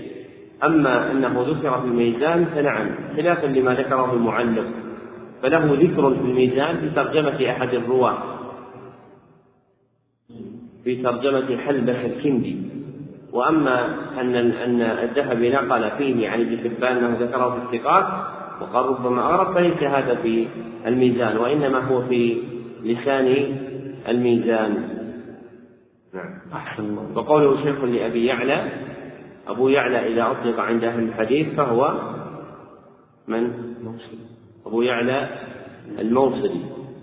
وأبو يعلى الموصلي والبزار يشاركان أحمد بن حنبل في الاسم فهو فهم ثلاثة كل واحد له مسند واسمه أحمد. فأبو يعلى أحمد بن علي بن المثنى الموصلي. وابن حنبل أحمد بن حنبل أحمد بن محمد بن حنبل والبزار أحمد بن عمرو بن الخالد بن عبد الخالق.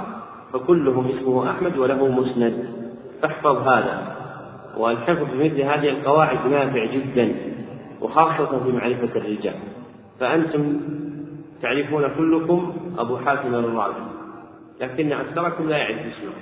لكن إذا قلنا لكم إن أبا حاتم اسمه اسم الشافعي.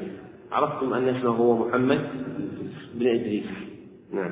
أحسن الله بكم قال الحافظ رحمه الله تعالى قال بشر بن عمار قطع المكذب الكوفي ضعيف من السابعة قال سماحة الشيخ رحمه الله تعالى صوابه بشر بن عمارة كما في ابن عمر.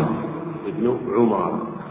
الأصل في هذا الاسم أن يكون بضم العين وقليل من الرواة يكون بكسرها فهو بشر بن عمارة. نعم. أحسن الله قال سماحة الشيخ صوابه بشر بن عمارة كما في تهذيب التهذيب. وعلى الصواب وقع في طبعات التقريب الأخيرة. نعم.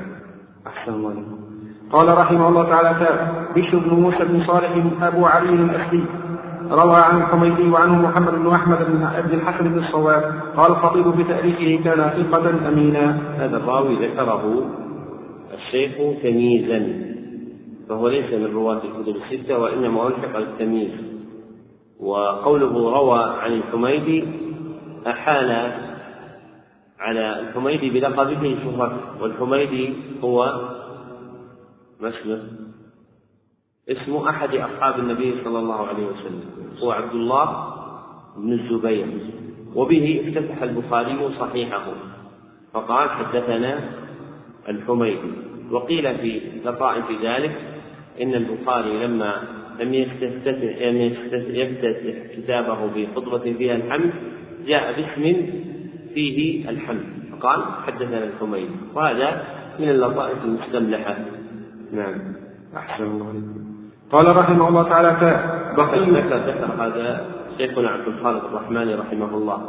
ذكر أن البخاري افتتح بالحميد لأجل هذه النكتة نعم. أحسن الله عليكم قال رحمه الله تعالى بقي بن مخلد أبو عبد الرحمن القرطبي ثقة مشهور وإمام صاحب سنة ولد سنة سنة إحدى ومائتين ومات سنة ست سنة ست وسبعين ومائتين وله مؤلفات في الحديث الشريف منها المسند وله تفسير كبير انتهى ملخصا من تذكرة الحفاظ للذهبي رحمه الله تعالى. وهذا الراوي كغيره مما سبق ألحقه الشيخ تمييزا ولخص ترجمته من تذكرة الحفاظ. وقال فيها وله تفسير كبير. وكان ابن حزم يذكر أن هذا التفسير هو أكبر تفاسير الإسلام فليس تفسير ابن جرير معه شيء.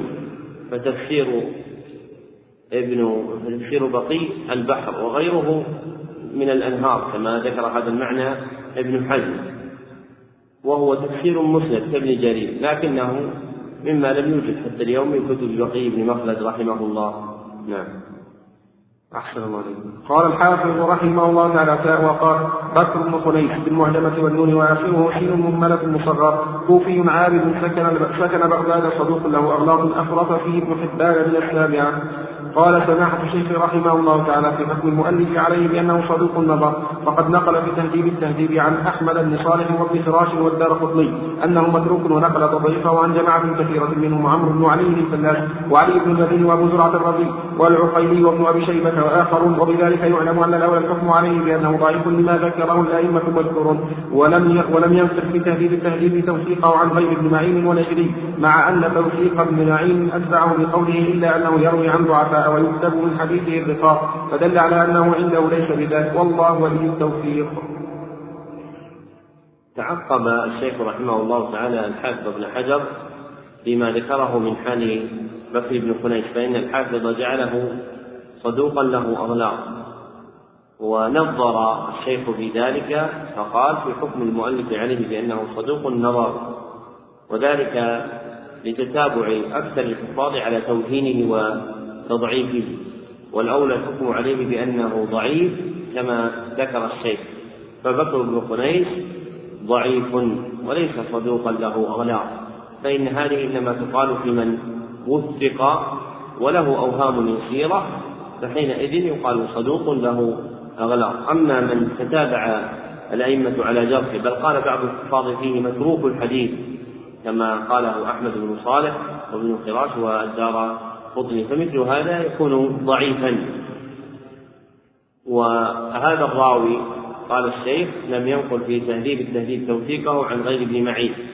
وتوثيق ابن معين هو إحدى الروايات عنه فإن ابن معين قال في رواية عن ثقة وقال في رواية أخرى ضعيف لا شيء وقال في رواية ثالثة ليس بشيء. وابن معين أشهر الحفاظ الذين تتعدد عنهم الروايات في أحوال الرجال فتكون له روايات عدة في أحوال الرجال. فينبغي الاجتهاد في الجمع بينها فإن لم يمكن الجمع بينها قضي بما يقدر منها باعتبار قرينة تحتف به. فإذا أمكن حمل كلامه في التوثيق على حال وفي التضعيف على حال أخرى وجه كلامه على ذلك. كأن يتكلم في راو فيقول مرة إنه صدوق ويقول مرة أخرى إنه ضعيف. ويكون هذا الراوي ممن ذكر أنه صحيح الكتاب. فحينئذ يقال إن ابن معين وثقه باعتبار روايته من كتابه وضعفه باعتبار روايته من حفظه. وإذا لم يمكن الجمع فحينئذ ينظر إلى القرائن التي تقضي بتقديم أحد الأقوال على غيره. ومن ذلك أن ما رواه أصحاب ابن معين الملازمون له مقدم على ما رواه الآفاقيون الذين أتوه فسألوه ثم رحلوا. فإن الآفاقي يأتي سريعا ويذهب سريعا بخلاف البلد فإنه يكون مقيما مع الشيخ. فيجيبه على الروية والتمهل فيكون ما رواه البلدي عن ابن معين مقدم على ما رواه الآفاقي عنه. وهذا من طرائق الترجيح بين أقوال ابن معين المختلفة. كما أن ابن معين لما وثقه قال إلا أنه يروي عن ضعفاء ويكتب من حديثه الرقاق. فابن معين أشار إلى ما يوهنه به. لأنه حصر ما يكتب من حديثه ما كان في باب الرقاق وباب الرقاق معلوم أنه يقبل فيه حديث الضعفاء الذين يمشى حديثهم ويكتب في المتابعات والشواهد بخلاف غيره من الأبواب. فكأن الأصل فيه الضعف إلا أنه قد يقبل منه ما يرويه في باب الجهد والرقائق لسهولة الأمر في هذا الباب. وأما توثيق العجلي رحمه الله تعالى فإن العجلي واسع الخلط في التوثيق وقد حكم عليه بعض الحفاظ كالذهبي وابن حجر بأنه متساهل وعند العجلي ضرب من هذا التساهل إلا أنه خير من ابن حبان في ذلك ومع ذلك فهو إمام من أئمة الهدى والدين. وقد رحل رحمه الله تعالى فارا بدينه لما ظهرت فتنة القول بخلق القرآن ونزل في طرابلس من بلاد ليبيا اليوم ومات هناك رحمه الله. نعم. قال الحافظ رحمه الله تعالى قال بكر بن يحيى بن بكر بن يحيى بن زبان بفاء مفتوحة ومحرك ثقيلة عبدي ويقال عنزي. بدون وزاي ويقال عمري. بصري يؤنى أبا علي. ويقال عنزي ويقال عنزي بدون وزاي ويقال عمري بصري يؤنى أبا علي مقبول مقبول من التاسعة قال سماحة الشيخ رحمه الله تعالى حديثه في أبي داود في باب الحي.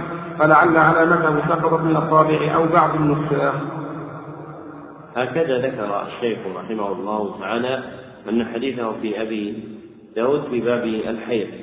وذكر المعلق عليه بأنه لم يقف له على رواية عند أبي داود. وكذا رجعت أنا سنن أبي داود سريعا فلم أجد له رواية. فلو أن الشيخ رحمه الله تعالى ذكر حديثه لكان أحسن إلى من بعده. فإن من تكلم عن هذا الراوي في التهذيب وأصوله وفروعه كتهذيب الكمال وتقريب التهذيب لم يذكر له رواية في سنن أبي داود وإنما روايته عند ابن ماجه. فالله أعلم بحقيقة الأمر. نعم. أحسن الله قال الحافظ رحمه الله تعالى تاء وشين. بكير بن شهاب الكوفي مقبول من الثالثة قال سمعت الشيخ رحمه الله تعالى واتقوا أبو حاتم الرازي بقوله شيخ وذكره ابن حبان في الثقات كذا في تهذيب التهذيب. قول الشيخ رحمه الله تعالى واتقه أبو حاتم الرازي بقوله شيخ في كون ذلك توثيق النظر بل إن هذه المرتبة عند أبي حاتم موضوعة لمن يكتب حديثه في الاعتبار أي في المتابعات والشواهد كما صرح بذلك ابنه عبد الرحمن. فلا يكون حينئذ توثيقا بل قوله شيخ يكتب حديثه في المتابعات والشواهد. ومع قول أبي حاتم الرازي فيه شيخ وذكر ابن حبان ثقات له يصلح أن يحكم عليه بأنه مقبول كما حكم عليه الحافظ ابن حجر رحمه الله تعالى. نعم. أحسن الله عليك قال الحافظ رحمه الله تعالى قال بيان بن عمرو البخاري أبو محمد العابد صدوق جليل من الحادية عشرة مات سنة اثنتين وعشرين قال سماحة الشيخ رحمه الله تعالى قوله من الحادية عشرة فيه نظر والصواب أنه من العاشرة كما يعلم من المقدمة ومما ذكره المؤلف في تهذيب التهذيب وبالله التوفيق. تعقب الشيخ رحمه الله تعالى الحافظ بما عده من طبقة هذا الراوي فإنه جعله في الحادية عشرة وهو بالعاشرة أولى وهم كبار الآخرين عن تبع التابعين. والقول كما قال الشيخ رحمه الله تعالى فإن هذا الراوي بالعاشرة أليق منه بالحادية عشرة فإنه أقدم من ذلك فطبقته أرفع من الطبقة الحادية عشرة وهي طبقة متأخرة. نعم. أحسن الله قال الحافظ رحمه الله تعالى ميم ودال وشين وقال تميم بن سلمة السلمي الكوفي ثقة من الثالثة مات سنة مئة. قال سمع الشيخ رحمه الله تعالى لعله سقطت هنا علامة علامة التعريف للبخاري لأنه قد علق عنه في تشهير سورة المجادلة. علامة التعليق للبخاري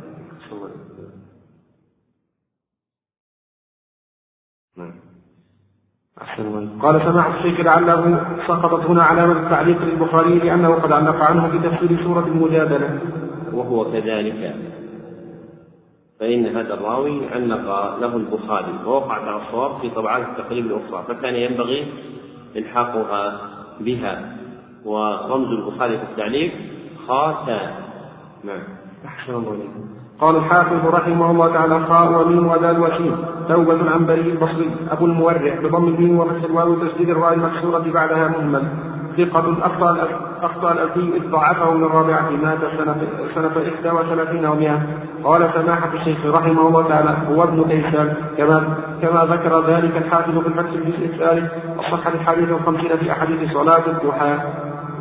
أي أن والده هو كيسان والحافظ أورده غفلا من ذكر والده. فكان ينبغي أن يقول توبة بن كيسان العنبري.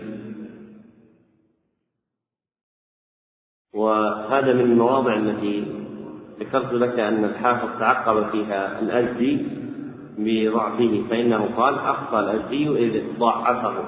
والأزدي تفرد بتضعيف جماعة من الثقات وهو بالجرح أحق منهم كما ذكره الحافظ في مقدمة الفتح. نعم. أحسن الله قال الحافظ رحمه الله تعالى لا الوفاء. قال ثعلبة بن مسلم الخصعمي الشامي المشهور من الخامسة. قال سماحة الشيخ رحمه الله تعالى في تهذيب التهذيب أن ابن حبان ذكره في الثقات وذكر أنه روى عنه جماعة ولم ولم يذكر أن أحدا جرحه عليه يكون معروفا مقبول الحديث. وقال أيضا رحمه الله تعالى ذكر المؤلف في تهذيب التهذيب أنه وثقه ابن حبان وأشار إلى حديثه المذكور ولم ينقل عن أحد أنه ضعفه وهكذا. قال الحافظ المسلم في تهذيب التهذيب ولم يذكر فيه جرحا ولم ينقل عن أحد أنه ضعفه تعقب الشيخ رحمه الله تعالى الحافظ ابن حجر باقتصاره على جعل رتبة هذا الراوي مستور وهو أقل من رتبة المقبول عند الحافظ ابن حجر وهذا الراوي حقيق بها فإن ابن حبان ذكره في الثقة وذكر أنه روى عنه جماعة ولم يذكر أن أحدا جرحه فمن روى عنه جماعة واتقه ابن حبان ولم يجرح فهو بمرتبة مقبول الحديث أولى منه بمرتبة مستور الحديث. وقد يوجد في الرواة من يكون كذلك وتكون حاله أرفع من مجرد القبول. وذلك إذا كان في طبقة عالية كالتابعين الذين وثقهم ابن حبان وذكر أنه روى عنهم جماعة فمثل هؤلاء إلى مرتبة الصدق أقرب كما ذكر ذلك الحافظ ابن كثير في موضع من تفسيره. فإن الراوي إذا كان من جملة التابعين فإن حاله إلى القوة أقرب. فإن التابعين لم يكن يعرف فيهم الكذب إلا أناس قليل تأخروا من الرواة عن أنس بن مالك ومن تأخرت وفاته من الصحابة. أما القدماء ممن يروي عن أبي بكر الصديق وعمر بن الخطاب رضي الله عنهما وهذه الطبقة إذا كان قد واتقاه ابن وروى عنه جماعة فمثله ممن يحسن حديثه. نعم. أحسن الله عليكم. قال رحمه قال سماحة الشيخ رحمه الله تعالى ميم ودال وشين وقال ثمامة بن شفيك الهمداني الأسرجي ثمامة بن شفيك الهمداني الحوجي ويقال الأصبحي أبو علي المصري سكن الإسكندرية روى عن فضالة بن عبيد وعقبة بن عامر وأبي ريحانة الألفي وعبد الله بن جرير الغافقي وقبيصة بن لؤي وعنه عمرو بن الحارث وعبد الرحمن بن حرملة الأسلمي وعبد العزيز بن ابن أبي الصعبة وبكر بن عمرو ويزيد بن أبي حبيب وابن إسحاق وعدة قال النسائي رحمه الله تعالى ثقة وقال ابن المنذر توفي في خلافة هشام بن عبد الملك قبل العشرين ومائة. قلت ذكره ابن حبان في الثقات. هذه الترجمة ألحقها الشيخ رحمه الله تعالى على نسخته من الطبعة الهندية لأنها ساقطة منها. أما في الطبعات الأخيرة فإنها ثابتة في تقريب التهذيب وقد جعله الحافظ ثقة من الثاني.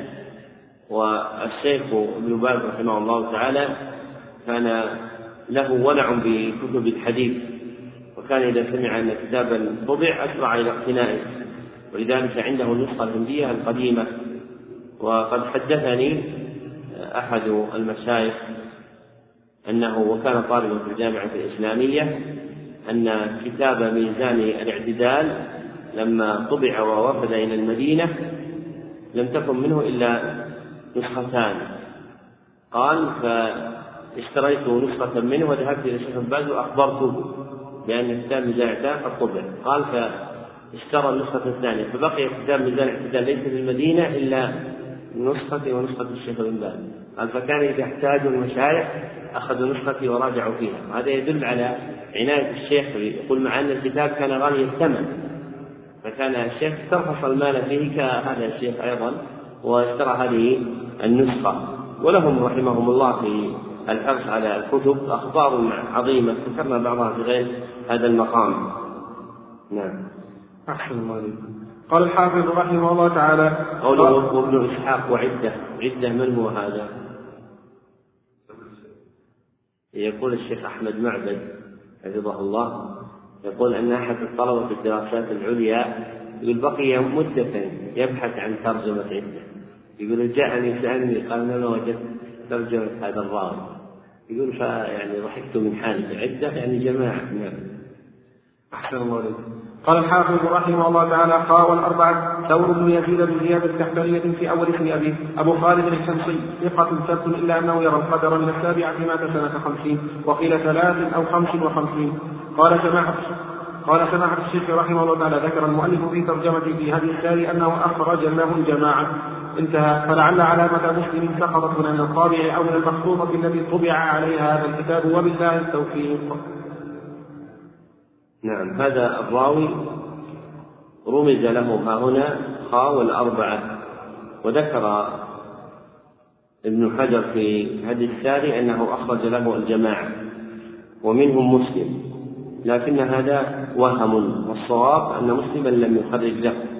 فما جرى عليه الحافظ في تقريب التهذيب هو المعتمد بخلاف ما وقع له في هدي الساري نعم. أحسن قال الحافظ رحمه الله تعالى عين جابر بن زيد ابو الشعثاء الأزدي ثم الجوفي بفتح الدين وسكن الواو بعدها البصري مشهور بكنيته ثقة فقير من الثالثة مات سنة ثلاث وتسعين ويقال ومئة قال سماحة الشيخ رحمه الله تعالى قوله ويقال ومئة. في هذه العبارة في هذه العبارة تحريف والذي في التهذيب ما نصه. قال البخاري رحمه الله وغيره مات سنة ثلاث وتسعين وقال ابن سعد سنة ثلاث بعد المئة. وقال الهيثم بن علي سنة أربع بعد المئة. انتهى. أحسن قال الحافظ رحمه الله تعالى جابر بن سليم في سليم بن جابر. قال سماحة الشيخ رحمه الله تعالى هو أبو جري هو أبو جري الهجيمي. صحابي معروف وانظره في باب الكنى الصفحة الخامسة بعد الأربعمائة من الجزء الثاني. باء خاء ودال وسين وتاء قال الحافظ رحمه الله تعالى قاف دال وتاء الجراح بن مخلد العجلي البصري البزاز ثقة من العاشرة. مات نحو سنة خمسين و... مات نحو سنة خمس ومائتين قال سماحة الشيخ رحمه الله تعالى قوله البزاز في التهذيب القزاز بدل البزاز وقوله خمس ومائتين صوابه خمسين ومائتين كما في التهذيب قال الحافظ رحمه الله تعالى عن جبير بن محمد بن جبير بن مطعم مقبول من السادسة قال سماحة الشيخ رحمه الله تعالى هذه العلامة غلط من الطابع أو بعض النساء والصواب التعليم أو بحرف الدال المهملة لأن حديثه في أبي داود خاصة لماذا هذا الرمز خطأ قطعا؟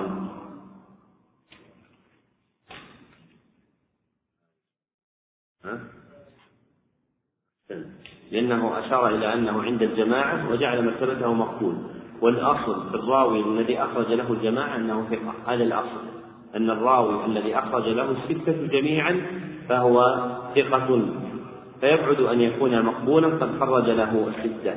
وهذا الرمز غلط. والصواب أنه دال كما ذكر الشيخ. نعم. أحسن الله قال الحافظ رحمه الله تعالى وقال جاء ضم بن عبد الله بن أبي الطفيل القيسي مولاه اليماني وأصله من خراسان صدوق يكثر عن مجاريه من الثامنة. قال سماحة الشيخ رحمه الله تعالى صوابه اليمامي بالميم كما يعلم من تهذيب التهذيب.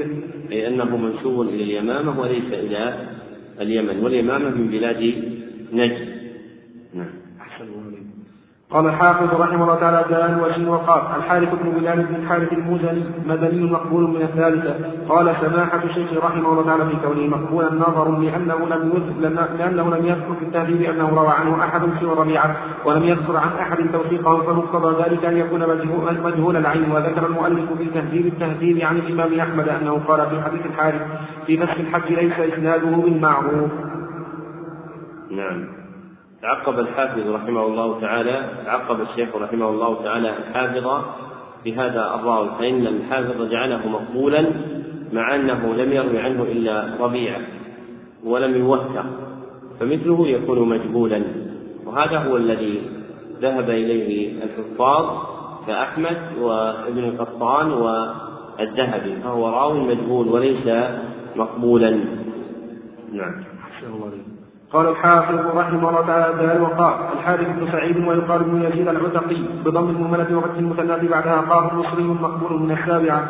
قال سماحة الشيخ رحمه الله تعالى في وصفه الحارث المذكور بأنه مقبول النظر لأنه رحمه الله ذكر في ترجمته في تهذيب التهذيب عن ابن القطان الفاشي والذهبي أنه لا يعرف ولم ولم يذكر توثيقه ولم يذكر توثيقه عن أحد من الأئمة فكيف يكون مقبولا؟ والله ولي التوفيق. هذا كحال السابقين الصواب في مثله أن يقال مجهول ولا يقال مقبول. نعم. قال الحافظ رحمه الله تعالى الأربعة. الحارث بن عبد الرحمن القرشي العامري قال ابن أبي ذئب صدوق من الخامسه مات سنه 29 وله 73 قال سماحة الشيخ رحمه الله تعالى ذكره بالتهذيب وأنه روى عن جماعة من التابعين ولم يذكر أنه لقي أحدا من الصحابة فعليه. يكون من الطبقة السادسه إلا أن يثبت لقاؤه لبعض الصحابة. هذا الراوي عده. ابن حجر في التقريب من الخامسة وهي الطبقة الصغرى من التابعين. وما ذكره في التهذيب لا يساعد على ذلك فإنه في التهذيب إنما ذكر أنه روى عن جماعة من التابعين فلا يكون حينئذ من الخامسة بل من السادسة أو ما دونها. ولم يذكر في تلك الترجمة أنه لقي أحدا من الصحابة فيكون من الطبقة السادسة. قال الشيخ إلا أن يثبت لقاؤه لبعض الصحابة وهو كذلك. فإن ابن حبان ذكر في الثقات أنه غزا مع جماعة من الصحابة. وابن حجر رحمه الله تعالى حصل له مزيد نظر في تراجم الرواة عندما ألف تقريب التهذيب لكنه لم يلحق مقتضاها في تهذيب التهذيب. كهذا الموضع فإن هذا الموضع لا يؤخذ من تهذيب التهذيب أنه من الخامسة. وإنما لعل الحافظ اطلع بعد على ما ذكره ابن حبان من أنه غزا مع بعض الصحابة فرأى أن حقه أن يكون من الخامسة ولم يذكر مستند ذلك في تهذيب التهذيب وكان حقيقا بأن يذكره في تهذيب التهذيب من ترجمته فيه. ولذلك كتاب التقريب والتهذيب صنوان لا ينبغي أن يفصل بينهما. بل ينبغي من أراد أن يعرف حكم ابن حجر أن ينظر ها هنا وأن ينظر ها هنا. وإذا ظهر له شيء من المعارضة فيجتهد في التأليف بينهما. كهذا المذكور ها هنا. فإن ما ذكره هنا في التقريب ظاهره يخالف ما في التهذيب. لكن إذا قلنا بأن الحافظ جد له الاطلاع على ما ذكره ابن حبان في الإعلام الخامسة أمكن حينئذ الجمع بين قولين. نعم. أحسن الله قال الحافظ رحمه الله تعالى دان وشن وقال الحارث بن مخلد بتشديد الله الزرقي الأنصاري مجهول الحال من الثالثة أخطأ من زعم أنه صحابي. قال سماحة الشيخ رحمه الله تعالى في قول المؤلف هنا نظر. فقد ذكر المسكي في التهذيب أنه روى عن عمر وأبي هريرة وعنه سهيل بن أبي صالح وبشر بن سعد وذكر المؤلف في تهذيب التهذيب أنه وثقه ابن حبان فكان به هنا أن يصفه بأنه مقبول كأمثاله والله ولي التوفيق. تعقب الشيخ رحمه الله تعالى ابن حجر في حكمه على هذا الراوي بأنه مجهول لأن المزي في التهذيب ذكر أنه روى عن عمر وأبي هريرة وعنه سهيل بن أبي صالح وبسم بن سعيد. وذكر المؤلف في تهذيب التهذيب أنه وثقه ابن حبان فكان أولى به هنا أن يصفه بأنه مقبول كأمثاله لأنه قد وثقه ابن حبان وروى عنه ثقتان فمثله يقال فيه مقبول وهذا الراوي فوق ذلك فإنه قد صحح له الحاكم أيضا أو ابن خزيمة شك مني فإذا اقترن به تصحيح أحد هذين مع رواية ثقتين عنه وذكر ابن حبان له في الثقات وكونه عالي الطبقة. لأنه روى عن عمر وأبي هريرة. فمثل هذا يقال إنه حسن الحديث ويقال هو صدوق. نعم. قال الحافظ رحمه الله تعالى من والأربعة حبيب بن سالم الأنصاري مولى النعمان بن بشير وكاتبه لا بأس به من الثامنة. قال سماحة الشيخ رحمه الله تعالى لعله من الثانية وفي الطبعة المصرية من الثالثة وهو الصواب. لماذا يقطع بأن ما في الطبعة التي علق عليها الشيخ غلط جزما؟ لأنه ماذا قال؟ مولى النعمان بن بشير وكاتبه النعمان بن بشير صحابي. والتابعين تنتهي طبقاتهم إلى خامس. أقل طبقات أقل طبقات التابعين في التقريب إلى الخامس. فحينئذ من المحال أن يكون من الثامنة بل هو من الطبقة الثالثة كما وقع في الطبعة المصرية وهو الصواب. وهذا آخر التقرير على هذه الجملة من الكتاب ونستكمل بقيته بإذن الله بعد صلاة العصر. وبالله التوفيق. والحمد لله رب العالمين. وصلى الله وسلم على نبينا ورسوله محمد وآله وصحبه أجمعين.